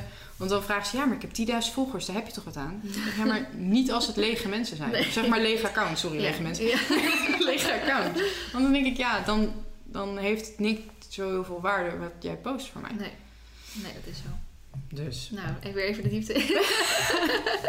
maar goed, dat ondertussen... over influencer Ja. Dus ondertussen zijn we natuurlijk... ehm, ja, is het al gevallen, maar je bent uit je voegen aan het groeien. Ja. In de 7, 8 maanden tijd is het gewoon... Is het eigenlijk gelukt wat je... Wat je wat je wilde, dus dat eigenlijk iedereen Pippa zou kennen. Dat als er nu in één keer een nieuw zeepje komt, dat iedereen denkt van ja. Ik, dat is dus heel vervelend, maar omdat het zoveel tijd opneemt van mij Mm. om die dingen al de deur uit te krijgen. Laat hem, ik zal zo even uitleggen waarom ik niet verder kan opschalen dan nu. Mhm. Is het stomme van wat er nu aan de hand is dat ik dus niet heel erg door heb hoeveel mensen mij kennen. Ja. Omdat ik niet de, de tijd heb om erbij stil te staan hoe goed het gaat. Ja. En dat is heel, heel erg jammer. Ja. Want ik heb niet het, zeg maar, mensen zeggen dat wel tegen mij. En dan ben ik oprecht verrast. Dan denk Mhm. ik, shit, ik wist echt niet dat ik hiermee bezig Ja. was. en En jij bent zelfs van vrij snel naar nu al redelijk groot gegroeid. Want ik denk, ik doe er elf jaar nu al over. En ik vind het nog steeds bizar dat als, als een vriendin tegen mij zegt... Ja, mijn tante of zo, die kwam naar me toe en die zei... Oh, een vriendin heeft dit gedaan. Dat ik echt denk van, oh, maar die Ja. tante heeft helemaal niks met paarden. Maar die vindt dat gewoon leuk. Want die vindt, weet je, dan Ja. hoor je allemaal van dat soort... denk ik, oh ja, eigenlijk kennen, kennen we heel veel mensen. Ja, en dat, dat heb ik zo nog niet door. En Mhm. dat vind ik zo jammer, want ik vind juist dat de- het aandacht hebben voor elkaar en dus stilstaan bij, bij hoeveel mensen, zeg maar, geld aan mij hebben gegeven. Dat Ja. klinkt even heel raar, maar dat ik er nu niet kan stil bij staan wat er allemaal met mijn klanten gebeurt. Kijk, toen ik klein was, kon ik heel goed bijhouden eh, wie ongeveer mijn klanten waren. eh, wa- wat voor paard ze hadden. Nou, maar echt letterlijk op zo'n niveau was ik ermee bezig. En Ja. dat kan natuurlijk niet. Maar die grip die ik nu verlies, vind ik zo jammer. Want Ja. dat maakt het zo leuk. Ja. En als ik nu... Prijs omhoog, enige manier. Vraag en aanbod meer stabiliseren. Meer mensen aan kantoor. Nee, het enige wat ik er nu aan kan zien dat iemand een klant bij mij is, of ik ken diegene, of ik ken die naam echt, zeg maar, ik heb een relatief oké geheugen, is dat ik op my parcel mijn labels invul en dat Ja, ik ja. zeg, dit account kennen we al. Dan Oh, denk ik, ja, oké, chill. maar, zeg maar, dan kom ik ineens weer achter mijn vaste klantenkring en dat is wel... En het is ook mensen die mij veel berichten sturen, die onthoud ik dan sneller dan Ja. mensen die gewoon bestellen en niks zeggen. Ja. Wat prima is hoor, overigens. Eh, dus die onthoud ik iets minder snel. Maar ik vind het wel jammer dat ik niet meer echt weet wie, waar, hoe. eh, Nee, nee, snap ik. Maar goed, je kan dus niet opschalen, want je werkt nog vier dagen in de week. ja, En dan kan je voorlopig even niet meer stoppen. nee. Nee. Ehm, ik ben bezig met koop van huis. En ondernemers en hypotheken, dat eh, gaat niet zo goed samen. Dat weet jij ook. Ehm, dus, eh, maar we zijn nu wel heel dicht bij het huis. Eh, de hypotheek is aangevraagd. Zo. Nou, dat was allemaal één grote... een heftige rollercoaster. Ja, laten we Dat is dus ook nog altijd, hè. Dan ben je dus nog met je vier dagen in de week en dan ben je met Pippa bezig. En dan zijn dus allemaal dat soort dingen die er ook nog gewoon achter Ja, zitten. en dan is het natuurlijk ook weer zo dat als je dus bijvoorbeeld een drukke week hebt op werk, nieuw- bijvoorbeeld de afgelopen week had ik en een nieuw project op werk waar ik heel veel aan veel aan moest werken. Ehm, en waren we bezig met de hypotheek en besloot ook nog eens even in die niet helemaal goed te lopen. Hmm, Weet ja. je wel? En dat is natuurlijk wat mensen niet helemaal zien achter zo'n bedrijf. Dus Mhm. er zit gewoon nog wel mens achter met ook nog een eigen leven. Ja. En ik ben helemaal niet zielig en het is een totaal luxe probleem. maar ehm, dat met dat huis, dat maakt het nu gewoon even zo dat ik niet verder kan opschalen. Omdat ik, als ik nu ga opschalen, breng ik eng mijn hypotheek in het gevaar. Eh, want dan krijgen we gewoon een veel minder hoge hypotheek. Mhm. En eh, ik moet ik een kantoorruimte huren. Wat me weer geld kost. Wat Mhm. prima is overigens. Maar wat mij geld kost. Terwijl ik waarschijnlijk binnen een half jaar een kantoor heb aan huis. Ja. Dus zeg maar die, ehm, dat spanningsveld moet ik even overbruggen. maar het geeft wel heel veel rust dat ik dat we een huis eh, op het oog hebben. En dat we bezig zijn met de koop. Want juist dat stukje want ik zat ook heel, er kwam heel vaak voor deze week dat we dachten: oké, dit huis gaat niet door. Mhm. En toen dacht het enige wat me echt boeide was: ja, ik kan nu niet groeien. Ik zit nu klem. Ja, En ik wil echt niet zielig doen, maar ik werk gewoon 80 uur per week. ja. En dat doe ik met alle liefde. En als ik 9 uur, want ik werk vier dagen van 9 uur, zodat ik nog zeg maar maar 4 uur, maar vier uur mis qua Ja, ja. salaris eh, voor de hypotheek. Mhm. Ehm, dan heb ik 9 uur gewerkt of 10 uur gewerkt en dan kom ik thuis. En dan heb ik bijvoorbeeld op woensdag en donderdag een verzorger. Sinds nu eventjes, omdat Mhm. ik- dat is ook weer een stap voor mij. eh, voor mijn paard. Dus dan hoef ik niet naar stal. En dan denk ik, oh yes, ik kan even lekker, eh, weet je, even dit dit, dit voor Pippa doen. En zit mijn vriend me echt aan te kijken, gaat het met je? je komt net uit je werk en dan weet je het nu alweer. Dus ik vind het echt oprecht echt heel leuk. Maar het is nu echt te veel. Ja. Het is gewoon net op het punt dat ik het net niet meer aan kan. Ja. Eh, nou, net wel, maar zeg maar, Ja, ja, de orders gaan de deur uit. Ja. Maar eh, bijvoorbeeld het stukje administratie en eh, nieuwe dingen. En ik heb nog heel veel nieuwe ideeën. Ik wil nog mensen aannemen. Nu niet allemaal gaan solliciteren. Ehm, nee, maar ik heb geen plek voor mensen. Ik zou Ja. zo graag... Want ik vind het ook leuk. Ik hou van teamwerken. Dat vind ik Mhm. gewoon super leuk. Maar ja, dan moet je nu in mijn piepkleine appartementje... eh, naast mijn bank aan de keukentafel zitten. Weet je wel? Ja. Dat, dat gaat Als je gewoon daar even iets dichterbij woonde, zei ik van, dan gebruik dan die schuur even. Ja, kom maar even. Ja. Ik heb hier nog wel een Ik heb plekje. wel ruimte. Oude Ja. Ja, nou, maar weet je, ik heb ook gewoon niets nodig. Ik heb letterlijk een laptop, een printer en heel veel doosjes en heel veel zeep nodig. Ja. Heel- zeg maar voor nu, hè. Ja. Ehm, maar ja, dat zit er gewoon nu even niet in. En het is nu gewoon even eh, ja, mijn adem inhouden totdat ik een huis heb. En dan Ja. Kunnen we helemaal los. Dan kunnen we helemaal gaan knallen. Eh, Hey, eh, we zijn echt al een uur bezig, maar ik heb nog lang niet allemaal alle dingen gevraagd die ik wil aan je vragen. Dus laten we even wat sneller doorheen gaan. Eh, we hebben nu even uitgebreid over je onderneming gehad. Over groeien en over hoe dat allemaal kwam. Vertel ook even over je product. Oh ja. nou, we wat hebben je? over product gehad. Maar ja, Ja, maar alleen over dat je zeep hebt. En ik heb een keer honing en een keer pop... Ja. Ik kan het woord nog steeds niet uitspreken. propolis. Propolis. Of propolis, ik weet het nog steeds niet. Ik verkoop het ook, dus ik heb geen idee. Eh, nou ja, ik heb vier, tot nu toe vier zeepjes. Eh, twee met een medisch eh, achtig, of tenminste, het is geen medisch hulpmiddel, maar het, kan bij huidproblemen helpen. Mhm. De honing en propolis, die ehm, eh, kan echt ondersteunen bij het herstellend vermogen van de huid. Ehm, want propolis is eigenlijk bijlijm. Mhm. En wat bijen daarmee doen is hun nest afdichten. En dan eh, niet alleen is het antibacterieel en haalt het zeg maar, ziektekiemen en ziekteverwekkers buiten, maar ook plakt het zeg maar, het nest aan elkaar. Ehm, waardoor het een soort van afgedichte schil is, waar die bijen van binnen gewoon een goed ecosysteem kunnen huishouden zonder te veel invloeden van buiten. Mhm. Nou, dat is eigenlijk ook wat je met een huid wil. Je wil een gezond ecosysteem buiten en elk lek, wondje, Ja. schuurplek, kale plek, Ja. eh, elk lek moet je zien als een lek in, je in het bijennest, zeg maar. Mhm. En daarom werkt propolis zo goed. En er zijn wel heel veel onderzoeken naar gedaan. Eh dat kan je ook gewoon vinden op Google. Ehm, maar ja, ik vond het gewoon een fijn product om in mijn zeep te verwerken. En ik had helemaal niet de intentie eh, dat dit echt wat zou gaan doen. Ja, ik wist wel dat het wat zou gaan doen, maar het was niet zo van... oh, ik ga echt een zeep voor wondjes Nee, ont- ontwikkelen. Dat is gewoon mooi meegenomen. Ja, het was inderdaad mooi meegenomen. Toen kreeg ik dus alle resultaten binnen, fo- resultaatfoto's binnen. Dat het dus allemaal super goed werkt en zo. Dus dat Mhm. was echt wel ja, een fijne bijkomstigheid. Laten we het daarop houden. Ja. Eh, de tea tree die is voor, vooral voor schuurplek en eczeem en jeuk. Dat gebruikte ik bij mijn eigen paard en merkte gewoon dat het heel goed werkte. Mhm. En ehm, toen heb ik er nog twee zeepen bij ontwikkeld. Eentje best wel basic. Gewoon lavendel. Ja, lavendelzeep is best wel Ja. standaard. eh, maar wel met lavendelblaadjes erin, dus dat is wel weer lekker. En toen dacht ik, ja, nu moet er eigenlijk ook wel iets zijn waar je dus, weet je, die zand en pisvlekken en zo echt kan losschrobben. Mhm. En toen dacht ik, nou, wat kunnen we er nou in doen? Wat bijvoorbeeld niet zout en zo, want dat is natuurlijk uitdrogend en niet zo fijn, maar iets scrubbend. En toen was ik op zoek naar allemaal zaadjes en pitjes en zo. En toen kwam ik dus achter een maandzaad dat het best wel goed blijft, eh, best wel lang goed blijft in zeep. Dus Mhm. dat het niet super uit elkaar valt of zo Mhm. chiazaad. Dat wordt een soort van propje. Ehm, en toen heb ik de poppy seed en lime echt als een frisse geur op de markt gezet. eh, die dus wat beter schoonmaakt. Ah, oké. Ja. Te weten allemaal. ja, ik weet natuurlijk wel redelijk hoe alles zit. Want ik moet dan zeker op je website dat eenmaal in te lezen en zo. Ja. Maar het is soms ook wel eens goed om het even zo, eh, Mhm. zo te horen. En je had ook een honden... ja, dat is de lavendel bar. Die is uiteindelijk... Die begon als hondenbar. Ah, oké.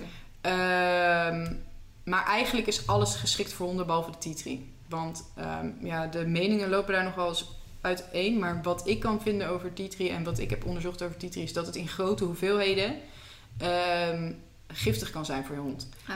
En alles wordt natuurlijk met de hand gemaakt. En over het algemeen zit in elke zeepstuk ongeveer evenveel oliepercentage. Maar het is natuurlijk niet machinaal gemaakt. Nee. Dus het is niet zo dat elk blok zeep exact dezelfde percentage Ja, heeft. dus ik wil gewoon niet het gevaar aangaan en ik wil geen risico's nemen. Nee. Dus die is niet geschikt voor honden, de rest wel. Ja. Ehm, ja, dus nou ja, een speciaal voor honden. Ik vind paarden ook leuker. Ja, ik Ja. heb een hond hoor, maar ik vind Ja. hem super lief en ik, het is echt mijn maatje. Maar, ja, maar ik vind de hele paardenmarkt leuker om wat Ja. op te doen dan op de hondenmarkt. Ja, snap ik. En dan heb je natuurlijk nou, de vier zeepjes. Heb je nu ook een proefpakket. Ja, daar kreeg ik best wel veel vragen over. Of ik dat kon samenstellen. Dus ik dacht, ja, waarom niet? Ja, En eh kon ik weer iets nieuws ontwerpen, dus dat vind ik altijd leuk. Ja, maar dan krijg je volgens mij een vierde deel of zo. Ja, een vierde deel. Ja, het is nu natuurlijk super chill dat ik maar vier zie. Ja. Was het allemaal in één ding? Ja. Komt nou net goed uit. Ja. Eh, nee, dus vier, eh, zeep, vier minis, zeg maar. Dus een vierde blok. Ja. En dan een zeepzakje. En die heeft wel de grootte van het zeepzakje. Want mijn idee daarachter was... Kijk, ik kan ook wel weer kleine zeepzakjes inhuren, of, inkopen. Maar als het is een proefpakket. ja. Dus dan probeer ze allemaal. Dan denk je, hé, hey, deze is chill. En dan hoef je alleen de bar te kopen. Dan hoef je dus niet nog het zakje. Want je hebt het grote zakje. Dus dan... Maar het zakje krijg je toch gewoon automatisch bij. Nou, je kan ook zonder zakje bestellen. Oh, Want dat zakje gaat heel lang mee. Ja, precies. Tenminste, Ja. tenzij die echt na een jaar of twee, drie jaar van ellende uit elkaar valt. Ja. Ik gebruik al, sinds dat ik Pippa heb, gebruik ik al één zakje en die is nog gewoon oké. Oh, oké. Dus het idee is dat je gewoon eentje koopt. En Ja. dat je dan gewoon een soort van navelverpakking, Ja, zeg maar. Oh, ja, ja. want voor mensen die het dan nog niet wisten, er zit dus inderdaad ook een handig zeepzakje Ja. bij. Waar, wat ook weer handig werkt voor het scrubben eigenlijk. Ja, nou, ik zat dus met, met het probleem toen ik dit ontwikkelde. Dacht ik, ja, leuk zo'n zeepbar. Maar een paard is, zeg maar, ik vind shampoo al een ding dat je fles zo glibberig is Ja, en zo. ja. Ik dacht, ja, dat is super onhandig dat je met zo'n blok en dan valt het uit je handen en zo. Dus ik, Mm. En toen ging ik eh, een beetje onderzoek doen. En toen kwam ik achter zeepzakjes. Dus het is van Sisal. Dat is een eh, natuur, natuurlijk hennepproduct, zeg maar. Een soort van blad wat ze dan weer eh, en dat doe je erin. En dan is het niet alleen dat het zeg maar scrobt, maar ook dat het niet uit je handen glipt. Ja, het ziet ook nog eens heel cute uit. En het ziet er lief uit. Nee, precies. En dan ook nog eh, niet in plastic verpakt en zo, gewoon in Nee. een kartonnen doosje Ja, die door ja, de brievenbus past. ja. Ja, lekker makkelijk. Ja, En het is ook wel, ja, er zit alleen een kaartje bij ehm, met ingrediënten erop. Slim. Lekker, in, of nu in het Engels, maar Oh, niet ja. rare Latijnse Oh, moeilijke ja, namen, maar gewoon heel simpel. Gewoon, gewoon heel Voor standaard. iedereen te begrijpen. Voor iedereen te begrijpen. Niet eh lauretiel, futiel, sulfaat. Weet ik veel. Dat je geen idee hebt wat je op, je- op je paard gooit. Maar gewoon verzeepte kokosolie. Dat snapt iedereen. Ja, precies. Tenminste. Ja. En eh, want je bent dus nu 7 à 8 maanden verder. En het begon dus met twee bars en je hebt er nu vier. Ehm what's next? Ja, als je, het even, als je de groei aan kan. Ja, ehm, nou ik wil op zich wel andere zeepen. Al sta ik heel erg achter deze vier. Mhm, Eh, maar ik wil in het najaar nog een zeep gaan doen. mhm. Ehm, en dan wordt het, zeg maar, ik ben nog een beetje zoekende naar iets wat weer een positief effect kan hebben op de huid. Eh, wat ik dan daar precies voor kan gebruiken. En anders wordt het gewoon een fijne warme geur, zeg maar. Een beetje eh, richting kerst. Mhm. Ehm, maar ik denk dat ik met de bars. Kijk, het is heel leuk om er meer bij te doen. Maar voor mij niet interessant zakelijk gezien wel. Maar meer, ik vind het leuker om andere dingen te gaan doen. Zeg Ja. maar dat die zeepen die zijn goed, die eh, lopen. Maar dan vind ik het nu leuker om er andere productgroepen bij te doen. Ja. Dus daar zijn we. Ja, mag je daar al iets over zeggen? Ja, ja, nou mag. Ik ben in mijn eentje. Ja. Dus ik, me, myself en hij, die eh, vinden dat het mag. Ehm, ja, mensen kunnen het gaan jatten, maar dat eh, verwacht ik niet. Nee, want het is weer een investering van heb ik jou daar. Mhm. Ehm ehm, plasticvrije borstels. Oh. Dus, dus borstels, paardenborstels waar geen plastic in is verwerkt. En ook duurzaam zijn gemaakt. Dus die helemaal eh, of van hout met paardenhaar, geitenhaar, kwarkenshaar. Mhm. Uh, of vezel wat uh, uit hennep of dat soort dingen wordt getrokken tot een Mhm. uh, harde kern, zeg maar. Mhm. Dat, ik wil nog wat met gezonde beloningen doen. Mhm. En, wat ik nou weer nou, Natuurlijke Eh. glansspray, daar zit ik al zo lang mee. Oh, ja, ja. Ik heb het gevonden en zo. Ja, en iets wat ik heel graag wil, en dat had ik ook in de reacties voorbij zien komen. Een opbergenbakje. Ja, ik weet het. Oh. Want eh, dat, eh, ja, het is zeep. En als je dat bij paarden even ergens weglegt, dan wordt het gewoon vies. Dus ik heb Ja. inderdaad nu een soort emmertje waar ik het gewoon allemaal Ja. in doe, weet je wel. Ja, ik doe dat in mijn poetskist inderdaad. Ja, dan hoef ik echt niet. Je mo- moet echt niet in mijn poetskist kijken, want Oh. dat is nog smeriger dan een stal is, bijvoorbeeld. Oh, echt? Oh, misschien ben ik een beetje perfectionist. of neurotisch. Ja, nee, oké. No taken. No taken. Dan ga ik, het zit er ook al zo lang in. Ja, ik moet er echt wat aan doen. En dan zoek ik en dan vind ik niks leuks. Oh, ja, ja. Dan is het allemaal lelijk. Of ja, het moet inderdaad ook weer weer bij je passen. Het moet Ja, inderdaad weer en bij het merk plastic. dragen. Laten Nee, we daarmee beginnen. Ja, het moet weer bij het merk eh, passen. Ja, dus ik zat dan naar glas te kijken. Toen dacht ik, ja, nee, dat kan niet. Nee. Soms dan valt het. En dan, weet je wel. Dus dan komt alleen nog aluminium of zink, zeg maar. Mm. Nou, en daar, ja. Maar nee, goed dat je het zegt. Het, het, is, nee, maar het is goed dat mensen het blijven zeggen. Want zeg maar, ik zit zo erg in een tunnelvisie met... Ik moet heel veel zeepen maken. Of tenminste, zeg maar bestellen. En dan... Ja. eh, dat, dat ik dat soort- dingen een soort van vergeet. ja, je bent alleen maar bezig met, met geven en je kan niet ehm, even verder over de toekomst nadenken Nee, of inderdaad hoe het Nu nu, even niet. beter kan. Ja, dat, maar dat is heel herkenbaar, want dat, dat heb ik zelf ook eh, op genoeg vlakken in ieder geval. Hey, eh, zullen we anders even over- overgaan op de vragen? Ja. Eh, we gaan nog wel lekker snel doorheen, ja? Ja, kort, kort, kort. Eh, komen er nog meer hondenzeepjes? Nee. Zo is dat kort genoeg. ja, ik vind de hondenmarkt gewoon niet zo super interessant. Nee, oké. Oké. ja. Eh, en door. Ja. en er zijn hondenbars, dus ik wil niet degene zijn die ook weer... Jouw, het product, ja. Je Ik wil gewoon paarden is gewoon nieuw. Ja. Je En, wilt niet, niet die concurrentie aangaan of zo. Nou ja, durf ik wel. Maar ik heb gewoon niet Kom zin in. Kom maar op. Nee, ik heb er gewoon niet zoveel zin in. Nee, oké.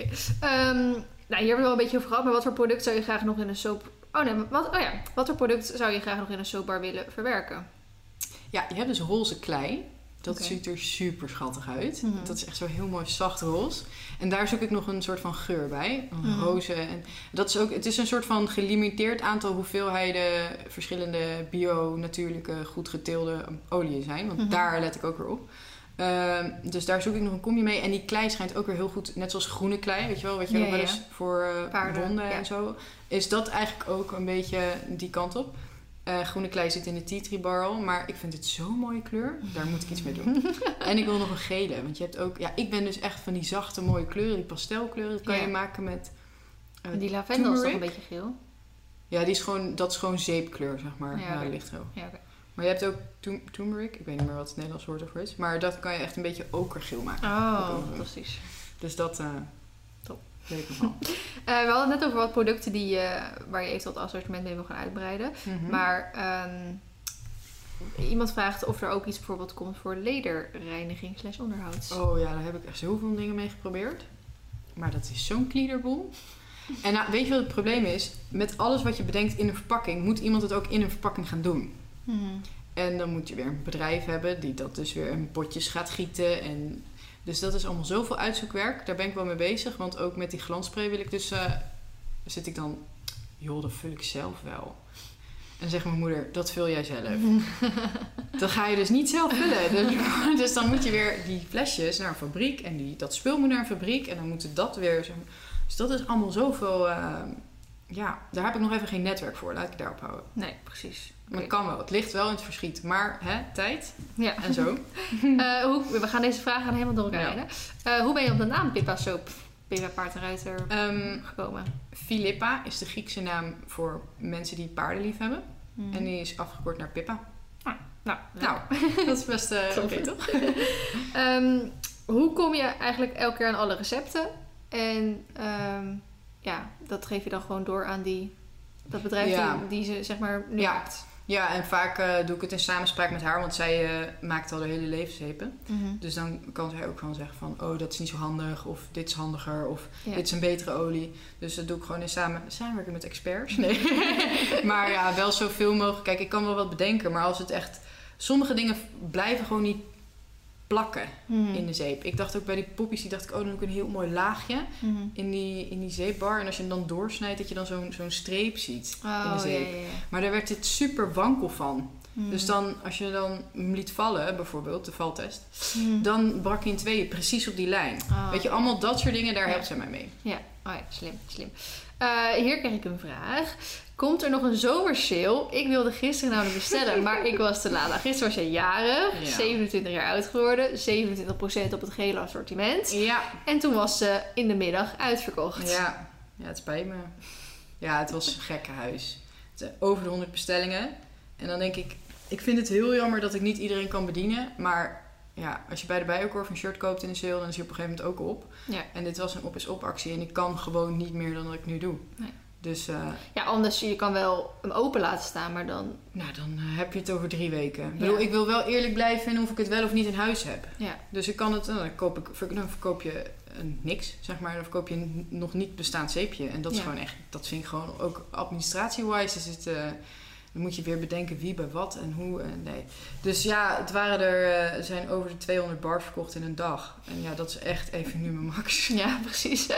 ik heb ook met ehm, de kledinglijn heb ik... Vroeger heb ik wat... De eerste shirtjes hebben Sjoerd en ik samen gedaan. Dat hebben we volgens mij meer geld op ingeleverd dan dat we er geld aan verdiend hebben. En eh, op een gegeven moment is Agradi het over gaan nemen. En dat was heel chill, want daardoor konden zij alles doen. En zij zijn natuurlijk helemaal op ingericht om dat ook Mhm. te kunnen doen. En eh, nu zit ik weer te twijfelen om het weer zelf te gaan doen. Alleen, ik wil het niet zelf doen. Want ik, weet, ik zeker eh, op een gegeven moment, als het gewoon rustig is... en de, collectie, de nieuwe collecties zijn al maanden geleden uitgebracht... dan waren er maar een, onder de 10 bestellingen per dag. Ja, daar heb je nog wel tijd voor om dat in te pakken. Ja. Maar tijdens een lancering heb je inderdaad honderden bestellingen. En dan, kijk, zeep is dan nog een soort van makkelijk en klein. Ja. Maar als iemand een dekje en in die maat en in die kleur en een shirtje en dan weer een petje en dat weer zo zeg maar wil, dan is dat gewoon niet te doen. Buiten dat ook de opslag veel groter is en de retouren en privacy gedoe en zo. Dus Ja, ik heb ehm, dus geen retouren, dat is chill. ja, dat is inderdaad wel relaxed. inderdaad. Oh, Maar maar zeggen ook zoveel mensen, hoe doe jij retouren? Ik zeg niet. nee, Ja, ik heb het nog niet meegemaakt. nee, Ja, nee, dat is heel redelijk. Maar goed, bij, bij mij is het natuurlijk ja, als iemand een eh, andere maat wil of zo, Ja. weet je wel. Of zit toch misschien een keer een productiefoutje ergens in of zo. Dus eh, bijvoorbeeld Christy, die doet dat wel allemaal zelf. En daar had ik het met haar in de podcast ook al over. En ze zegt, ja, maar ik vind het heel leuk om het te doen. Ik zeg, ja, heel leuk Chris, maar eh, Tot een bepaald tot een bepaald niveau. Want je bent ook nog topsportruiter en je bent nog meteen nog op school en zo. Dus ehm, er zijn dus van die bedrijven die eh, bijvoorbeeld ook voor grote namen zoals Ja. Enzo Knol en zo, weet je wel. Dus dat soort ehm, eh, doen. Dus dat is het idee. Want ik heb op zich hier nu de ruimte met de schuren en zo om het zelf te doen. Mhm. Dus ik heb inderdaad ook gedacht gewoon een paar 14-jarigen in te huren. En dan gewoon die zo lekker alles laten inpakken. Ja. Maar dan moet ik ook heel veel gaan investeren. In dus ehm, die labelprinters, die Ja. eh, dit, dat en zo. Daar heb ik gewoon geen zin in. Want dat is niet mijn main focus. Nee, Dus dat zijn natuurlijk de video's en zo. Dus ik wil het eigenlijk gewoon, gewoon eh, uitbesteden. uitbesteden. En Ja. dat, eh, Ja, en ik denk ook dat het als je het je bijproduct is, wat het voor jou is, dan is dat een logische keus. Ja. Maar ik wil het eigen beheer, want het ligt er dicht, dit is mijn core business. Ja, En het ligt dicht bij mij. Ja. Ehm, maar ja, Ja. gewoon mensen aannemen, ooit. Nee, het ligt allemaal in het verschiet, maar gewoon niet, Niet morgen, meer. zeg Nee. Precies, ook nog niet volgende week. Ehm, zijn er paarden die allergisch eh, voor kunnen zijn of uitslag van kunnen krijgen? Ja, als je allergisch bent voor tea tree olie bijvoorbeeld. Maar Hmm. ik heb het nog niet gehoord. Nee. Er zitten geen dingen in, er zitten geen hulpstoffen ook en zo in. Wat er Mm. natuurlijk in shampoos wel zitten. Dus of je paard moet echt niet tegen honing kunnen. Maar Maar hoezo is dat dan? Hè? Hoezo stoppen mensen al die bijproducten of hulpproducten, of hoe je ze ook wil noemen, hoezo Mhm. stoppen ze die in shampoos en dingen? Ehm, omdat de mens er ver- dingen van verwacht. Kijk, wij verwachten dat als... Oké, als jij een shampoo hebt die schuimt. En een shampoo hebt die niet schuimt. Hmm. Welke denk je dan dat beter schoonmaakt? Ja, je denkt dat er die schuimt. Ja, maar, maar, dat, heeft helemaal niks mee te maken. Schuim wordt gemaakt door een stofje SLS of SLA. En dat is een chemische stof die schuim produceert wanneer de moleculen tegen elkaar aankomen. Mhm. Ja, dat is totaal door ons bedacht. Het is... Het, is, het hoeft niet. Ik bedoel, het, Mhm. En dat is hetzelfde met dat natuurlijke zeep is best wel trekkerig op je haar. Ja, wij willen natuurlijk dat je met je handen door je haar... dat je zwoele, zachte Mhm. lokken voelt. Mhm. Dat is dus, dus gaan we er spullen in stoppen wat je haar afsluit en een soort van laagje overheen legt, zoals conditioners en dat soort dingen. Mhm. En dat kan je ook natuurlijk allemaal wel natuurlijk oplossen, maar dat is altijd minder dan de chemische oplossing. Ja. Want dat is gewoon een laagje over je haar, leggen je haar afsluiten en dan voelt het glad, maar Ja. niet, dan is het niet verzorgd, zeg Ja. maar. Ehm, en ehm, ja, dus ja, dat wordt toegevoegd omdat wij dingen missen er in, in de functie of dat wij dingen verwachten van, van het product wat niet hoeft. Zoals Mhm. bijvoorbeeld wortels zijn ooit een keer oranje gemaakt omdat we paars een rare kleur vonden. ja, het is ook zeg maar, vroeger waren wortels gewoon paars en nu zijn ze oranje omdat wij denken dat oranje een betere kleur is.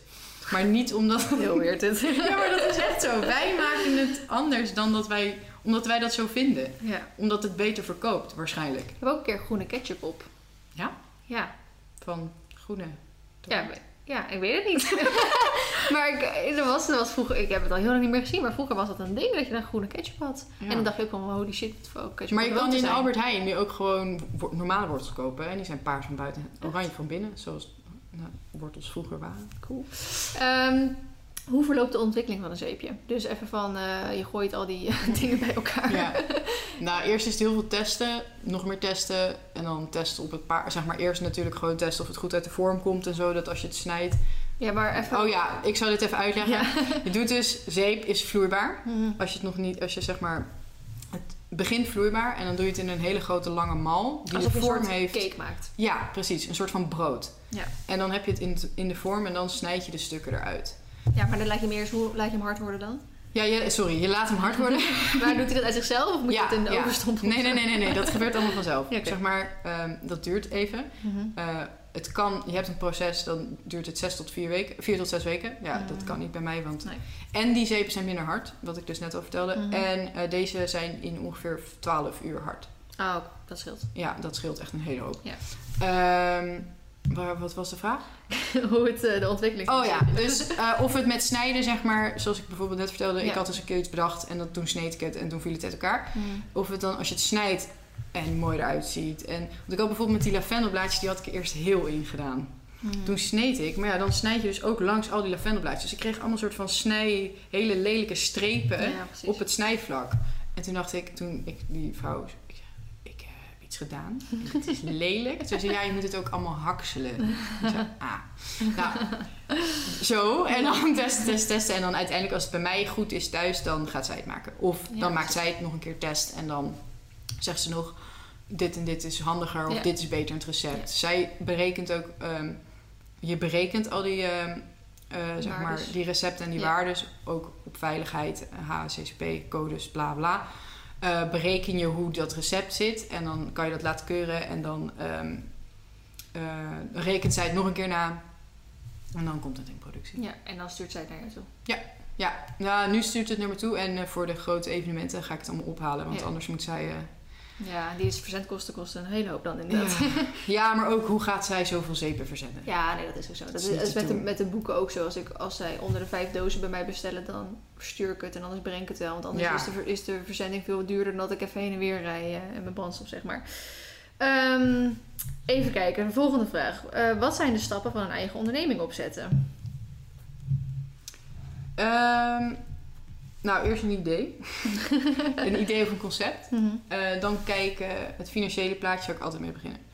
Dus kijken wanneer je turnover point wordt, dat je van je breakpoint, je- wanneer je je kosten eruit hebt Mhm. en wanneer je winst gaat maken. Mhm. Eh, dan kijken of het zakelijk haalbaar is, dat je hier ook echt wat aan gaat verdienen. Want kijk, het is allemaal leuk en het klinkt allemaal schattig, maar het gaat gewoon om geld.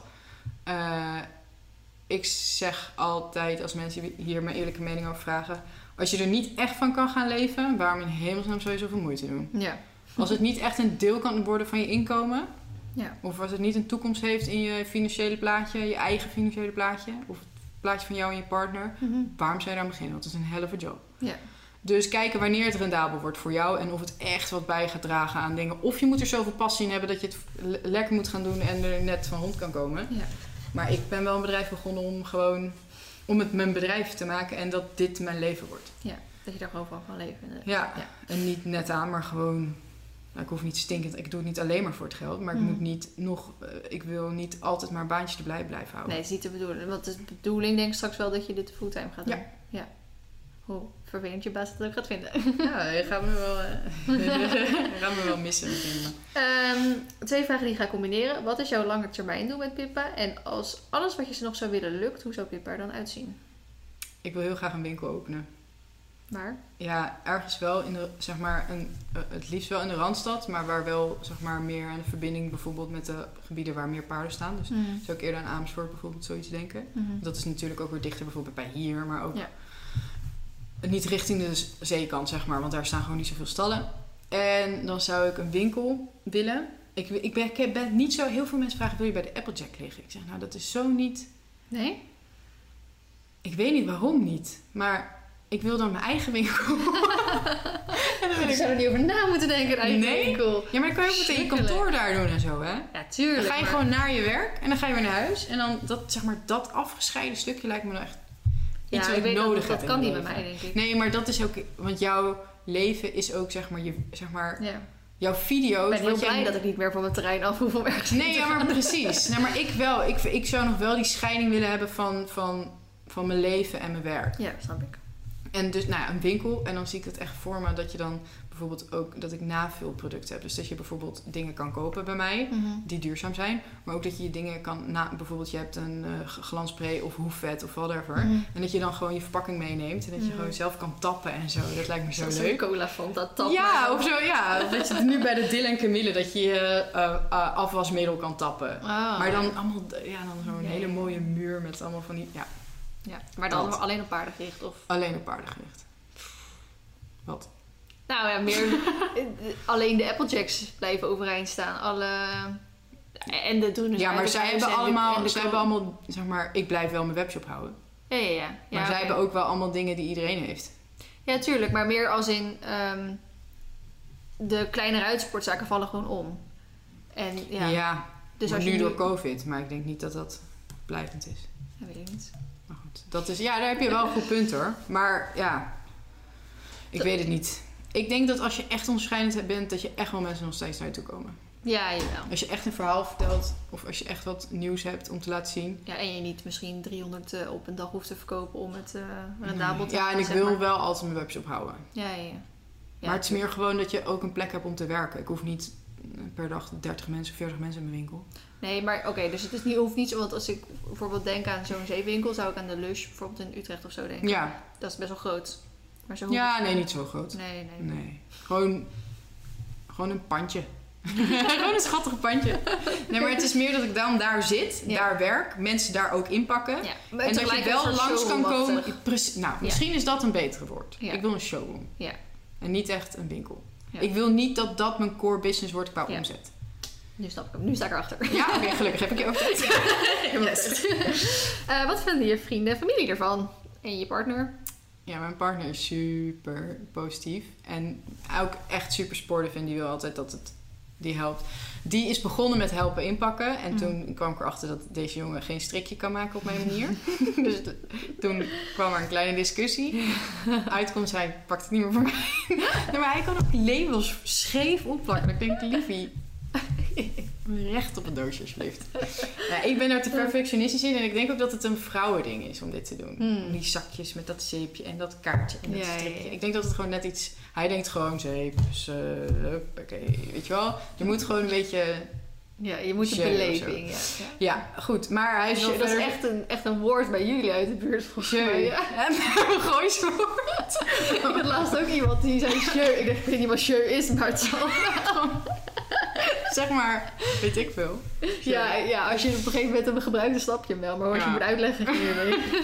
Eh, maar hij is wel super supportive. Mijn ouders ook. En mijn vriendinnen ook allemaal. Alleen, het is wel... ehm, toen ik ermee begon, dacht iedereen wel echt van... Vooral vriendinnen die misschien iets verder van me weg staan. Die dachten Mhm. echt, gaat het met je? Ik zeg, ja, een soort van lunch voor paarden. En zei, Ja. jazeker. Ja, is ze- markt voor? Ja. eh? Dus ik, en toen had ik in het eerste weekend al 14 stuks verkocht. En toen dacht ik, haha, zie je Ja. wel. maar nee, ik, alleen maar positief. Ik heb niemand die... ehm, nee, op een, een of andere manier niet. En ook niet op andere manieren, zoals dat je natuurlijk, ja, wij zeggen 80 uur in de week werkt, dat vriendinnen dan zeggen van joh, eh, Lot, eh, gaan we nog een keer afspreken of wat? Ja, het is wel lastiger wordt het steeds. Mhm. Ik probeer wel zoveel mogelijk tijd voor het over- eh, vrij te maken. Mhm. Eh, maar dat is wel, ja, het eist wel zijn tol natuurlijk. Ja. Maar tot nu toe nog niet mensen die dan mij minder gaan spreken of zo. Nee. Ik denk ook dat mijn vriendinnen dat eerlijk zouden zeggen tegen mij.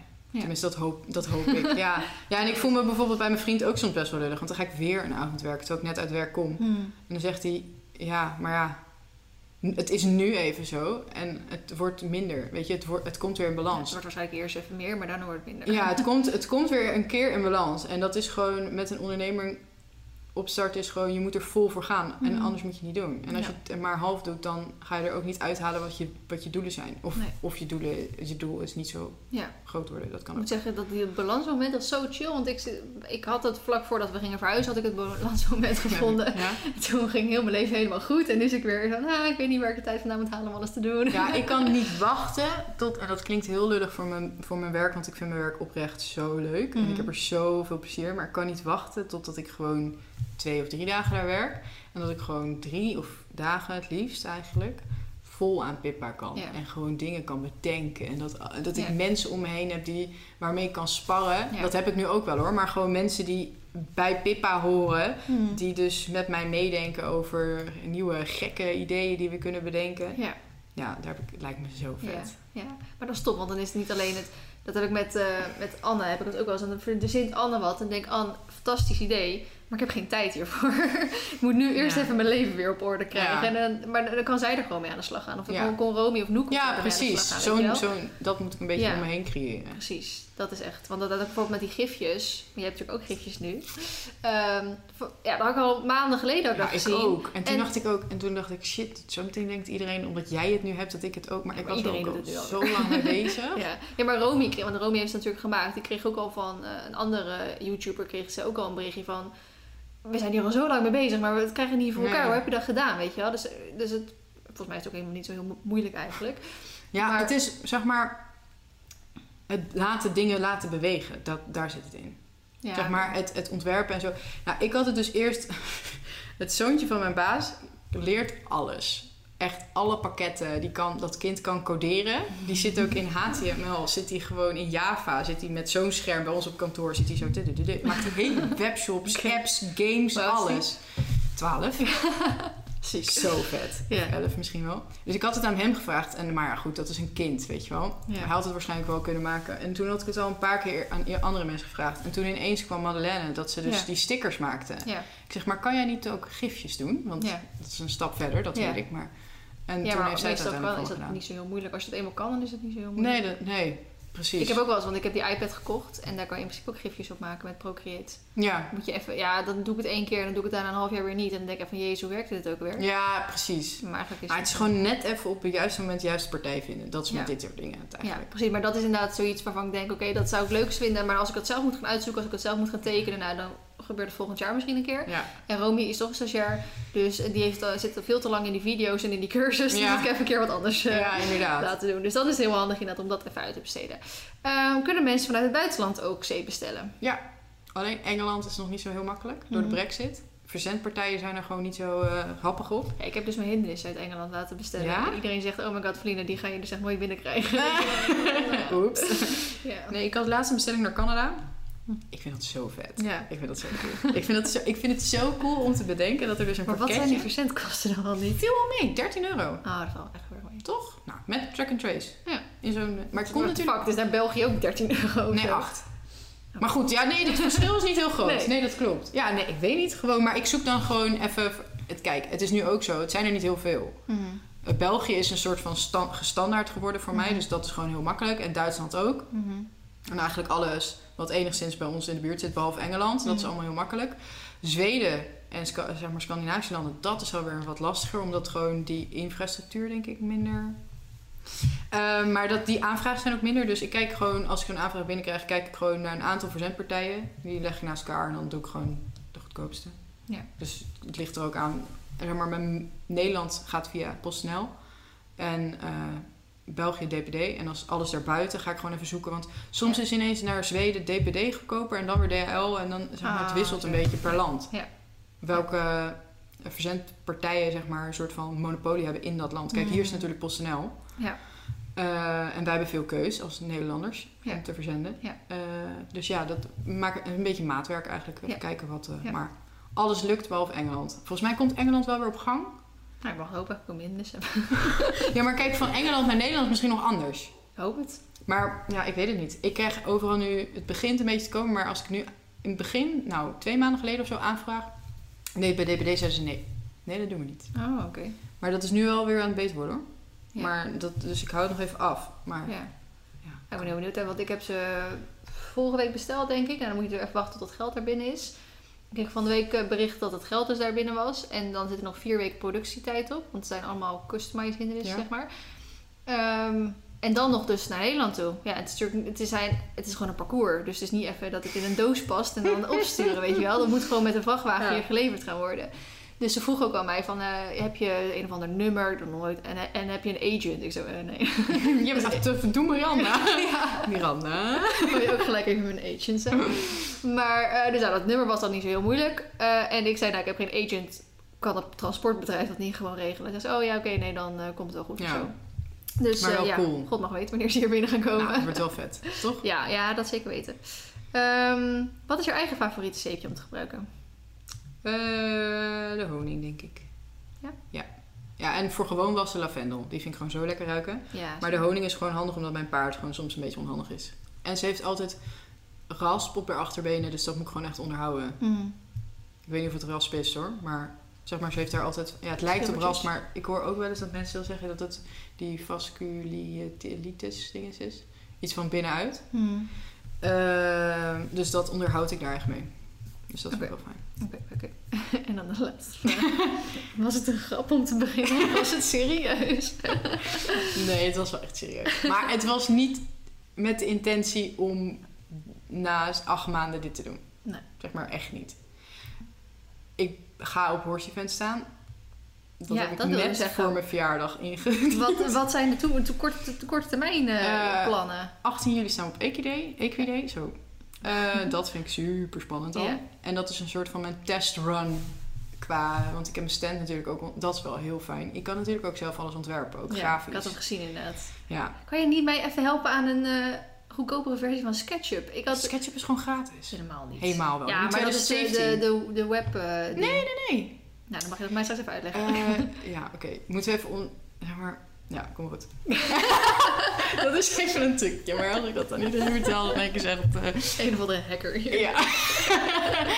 Ehm, Nee, maar eh, Nee, ja, ik- ja, ik zag in jouw story dat jij je, je, je stand al eh, had. eh, ja, ik moet alleen mijn banner nog ontwerpen. Mhm. Maar ik, ja, bij mij is het gewoon zo van nature dat als ik iets met maten moet bestellen, Mhm. dat ik gewoon even kijken of het past. Zeg maar, mijn vader zei ook, bestel gewoon die kratjes. Ik zeg, pap, hoezo? Ik bedoel, het moet toch allemaal op dat ding passen, op die, Ja. op die plank? Nou, nou, hoeft niet, toch? Kan toch ook eh auto, busje op de parkeerplaats... Nee, maar ik bedoel hebben? op de kraam. Het moet toch op de kraam passen? Je kan toch wel wat bedenken, maar als, als je dan komt, daar kom je daar aan. En dan is je eerste event. En dan past de helft van wat je hebt bedacht wat op die stand moet staan, Ja. past niet. Ja, dat en ik wil soort van mooi evenwicht en zo. En, eh, Ik heb ook de laatste tijd gewoon gezegd, ik wil twee stands. ja. Ja, op die, op die, waar inderdaad die, ehm, hoe heet die soorten stands? Nou, dat inderdaad een soort marktkraampje is. Ja, ja, ja. Daarvan zei ik gewoon, ik wil er twee. Want Maar op Horsevent. Maar dat is nee, binnen, op, toch? eh, op Paardjes Live Event was dat. Oh ja. En Horsevent krijg je Ja, dat is gewoon 4 een, meter. ehm, Tent, bedoel je dan? Een 4 meter stand, zo'n marktkraam. Want marktkramen zijn altijd twee. En dan... ja, Vier? ja, klopt. Ja. Dan wilde ik altijd, Ja. dat is een dubbele, wil ik 4 meter. En die pagode, Pagode? pagode dingen. Ehm, op Horsevent zijn dan 3 bij 3, 4 3 bij bij 4. 3 of 4 bij 4. En ik had volgens mij vorig jaar 4 bij 4. Dus ja, twee jaar geleden, Ja. maar ik sla corona altijd een beetje over. Ehm, en toen had ik ook gezegd, ik wil meer ruimte de volgende keer. Alleen, ik heb eh, twee jaar al geen collectie kunnen uitgeven. Dus ik Mm. heb best wel weinig spullen die ik straks meeneem. En allemaal kleine dingen. Ja. Dus een boek en een riem en een nekroop. Ja. Dat heb ik al in de video gezegd. En dan nog iets, moet nog even kijken wat. Ehm, dus eh, daar heb ik ook niet zoveel ruimte voor nodig, Nee. zeg maar. Ja, ik heb 3 bij 3 gedaan. Ja, dat is ook wel prima voor dat. Ja. Zo, ik kreeg al Spaans benauwd bij dat inschrijfformulier. Dat is ook weer geld, hè? nou ja, oké, daar kon ik echt nog overheen stappen. En dat klinkt niet nu, klinkt nu alsof ik makkelijk over geld denk. Maar dat kan je allemaal berekenen. Ja, je kan ja. berekenen hoeveel dagen je staat. Hoeveel je, zeg maar, dat is waar je grip op hebt. Er kwamen echt vragen hoeveel volt je stopcontact. Ik zou het zo. Ik weet het niet. Ik weet wat ik nodig heb. Wat heb ik allemaal nodig? Ga ik het op? Heb ik wifi nodig? Waarvoor ga ik wifi gebruiken? Ga ik mijn webshop daar staan? Weet je, dan gaat er echt een soort van trein aan gedachten van... Oh, Ja, crap. ja. ja, en dan denk je, zeg je eerst nog nee op wifi. Ja, en dan denk je drie dagen later... hmm, Ja, wil ik toch inderdaad iets. Meer geld zou ze vast wel willen ontvangen, toch? Dacht ik. ik dacht, ik doe gewoon alles basic. Ja, Ze maar zijn je moet ook- wel aanleggen. Ja, oké. Maar ze bijvoorbeeld ook, wil je hoeveel standhouderkaarten wil je? Ik denk, Ja. ik weet het niet, hoeveel mensen ga ik bij die stand doen en zo. Hoeveel zitten er bij een stand? Dat stond er niet eens bij, Mhm. dus dat wist ik ook niet. Dus nou, dat is nog wel, ik vind het heel spannend. maar ik vind het ook heel leuk, omdat door COVID is alles achter de schermen. Zeg maar, niet achter de schermen, maar achter schermen. Mhm. Achter je laptop of achter. Ja, ja. En nu kan ik iedereen ontmoeten en kan ik mijn klanten echt zien. En daarom zou ik denk ik ook zo'n showroom zo leuk vinden. Want dan zie je echt hoe mensen met jouw product zijn. Ik zie Ja. dat nu niet. Ja, de mensen die bij mij op stal staan. Ja. Want mijn hele stal Ja, is natuurlijk geïnfecteerd. Met je. Ehm, maar de mensen op stal staan, die, die, daar zie ik dat ze het gebruiken. Maar ik zie mensen niet met mijn product in handen. Ja. Ja, via foto's en zo. Mhm. Maar ik zou het gewoon zo leuk vinden als mensen dan bij mij dan even kletsen. En dan hier alsjeblieft. En dan, weet je, weet. Dat hele contactmoment lijkt me gewoon zo leuk. Ja. Maar wel heel spannend. Ja. Ik, ja. Ja, want je wilt het ook weer graag in één keer goed doen en zo. ja, en ik ben natuurlijk een perfectionist. Dus alles moet weer perfect. En uh, alles moet op de centimeter ja, niet, niet ingemeten. zo'n tafelkleed erop en zeepjes erop knallen en dat is Nee, het. Ja, en mijn moeder is de mandjes aan het haken en zo. ik kon ze van die haakjes. En dan zei ik zo tegen mijn moeder, en ze zo, nou twee zeepjes naast elkaar. En dan zoveel achter elkaar. En dan hoeveel centimeter. En dan... Dus mijn moeder is Oh nu heel schattig in de vakantie allemaal. Oh. Ze kan heel mooi haken. Ja, Dus die is nu mandje aan het haken. En we zijn dingen aan het bestellen en zo. leuk. Nou. Nou, zullen we een beetje afsluiten? Wij hebben zo lang gepraat. 1 uur en 40 minuten. maar wat we wel inderdaad kunnen zeggen, dat hadden we in het begin ook al een beetje gezegd, is dat onze samenwerking verlengd is. Ja. En er gaan hele leuke dingen aankomen. Jee. Die hebben we dus letterlijk gisteren volgens mij bedacht. Of tenminste bedacht. Ja, gisteren Eh. door een soort van... Ik heb Miranda gisteren gesproken. Ja. Ja, die kregen we volgens mij vanochtend door. Inderdaad, van, nou, dit was inderdaad het idee. ja. Dus dat eh heb ik heel veel zin in. Ja, ik ben zeer benieuwd. Nou, eh, heel erg bedankt dat je er was. Ja, was superleuk. Ik hoop dat mensen al iedereen's eh, vragen zijn beantwoord. Ja. En eh, dat ze weer inspiratie hebben gekregen, motivatie ook. Om ook te ondernemen. Ja, precies. En anders mogen jullie altijd mijn bericht sturen. Ik heb nog één vraag. Als je dit...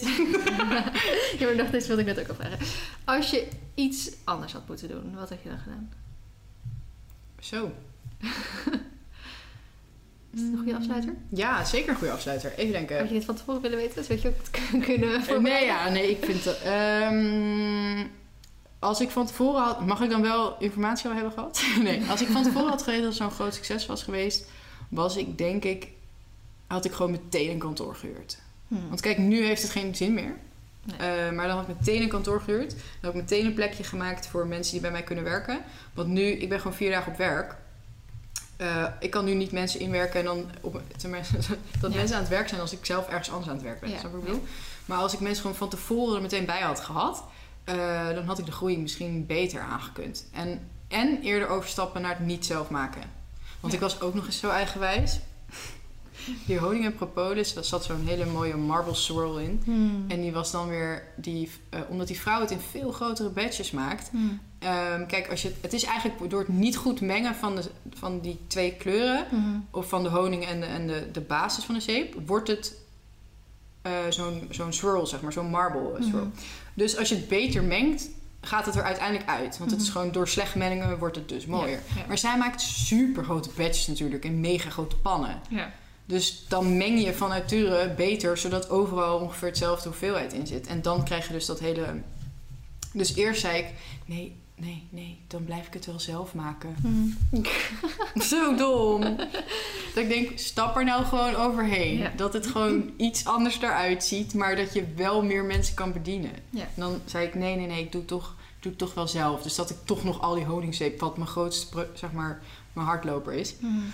En toen uiteindelijk ben ik toch ook teruggekrabbeld van... zou je het toch wel willen maken? en nu maakt het wel weer, zeg maar... Zij wordt natuurlijk ook handiger erin. Ja. En nu zijn ze toch wel weer anders dan in het begin.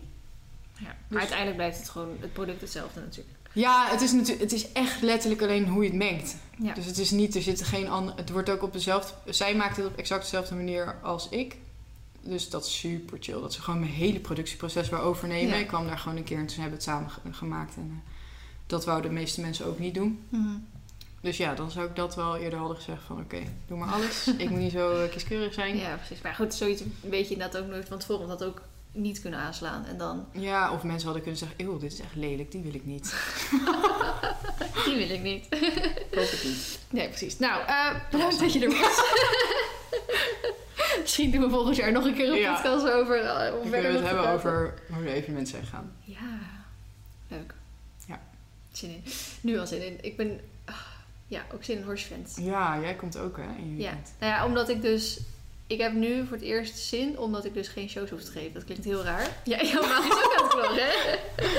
Maar omdat ik dus geen eh, shows hoef te geven. En dat daar ben ik altijd gewoon zin Ja, in was- ja, dat zei je, ja. En nu mag ik lekker presenteren. Maar dat lijkt me ook vet leuk om te doen. Ja, maar aan de andere kant is het, is het eigenlijk veel Ook. moeilijker. Of veel zwaarder. Of veel Maar het is wel, zeg maar, picture. Ja dat. Maar je, je tekst is wel relatief vast, zeg maar. Ja. Anders moet je natuurlijk je hele verhaal bedenken. En nu is het, zeg maar, als je het basic mogelijk zou kunnen doen, zou je Mhm. gewoon zeggen, dit is die met dit paard, doei. Ja, ja precies. Maar je probeert er een beetje show Ja, aan elkaar vast nee, te knopen allemaal. Maar goed, mensen kennen jou we- allemaal. Dus. Ja, jawel. En morgen gaan we oefenen. Oh, echt? Wat leuk. Ja, dan Daar. hebben we ja, ergens op een manege bij jou, Hillegersberg. Nee, dat is meer in het westen volgens mij. Nee, dat is niet. Ehm, Wat leuk. daar gaan we, dat kan ik natuurlijk nu wel zeggen, want deze podcast komt toch pas maandag online. Voordat er allemaal mensen voor de deur staan. Ehm, daar gaan we eigenlijk met iedereen die de ex gaat doen, die mag daar dus oefenen. Maar dan Mhm. ook echt al gelijk eh, zoals ze het daar willen doen eigenlijk. Ook was het wel een redelijk kort dag, want Ja. echt pas drie weken geleden is Ja. besloten wie er ex gingen doen. En het is pas over drie maanden. Eh, maar ook echt wel een beetje in tenue en muziek en dat soort Mhm. dingen. En, Oh, zo. leuk. en toen dacht ik eerst ook even, maar waarom moet ik erbij zijn? Want ik Nee joh, hoef zo niks te oefenen. En toen zei ze van ja, maar vriend, dat is handig, want dan weet je wat iedereen doet en zo. Oh ja. Ja, heb je alles al gezien? Ja, maar dat vind ik, ik vind het awkward om eigenlijk op een oefendag het dan serieus te doen. Laat mij maar gewoon gelijk voor dat publiek staan. Ja. Ik ben voor mijn eerste gastcollege gevraagd. Oh, leuk. Ja. Ja. Wel een bucketlist dingetje hoor. Ja, ik weet ook nog niet wat ik ga vertellen. maar heel leuk. als je er maar niet anderhalf uur over doet. Nou ja, ja, het ligt eraan hoe lang in de tijd. Ja volgens mij wel. Nou, eh, ondertussen zitten we een uur en drie kwartier bij de uur. Bedankt voor het luisteren allemaal. Vergeet zeker je even niet op eh, Instagram te volgen. Ja. Ja, Pippa. Zo. Pippa Soap, als je nog niet... Nee, ik- Pippa Equestrian Soap moet ik zeggen. Ja? Ja. Dat is het account. Die is echt wel te vinden. Dus, Ja. eh, Of als je Pippa intypt, dan kom je er ook wel in. ja, precies, inderdaad. Ehm, koop lekker zeepjes. Ga op de website kijken. Maar niet dit weekend. Ik wacht met zeepjes. Geef er even de tijd, die arme meid. Ehm, bedankt voor het luisteren en tot de volgende keer. Dag.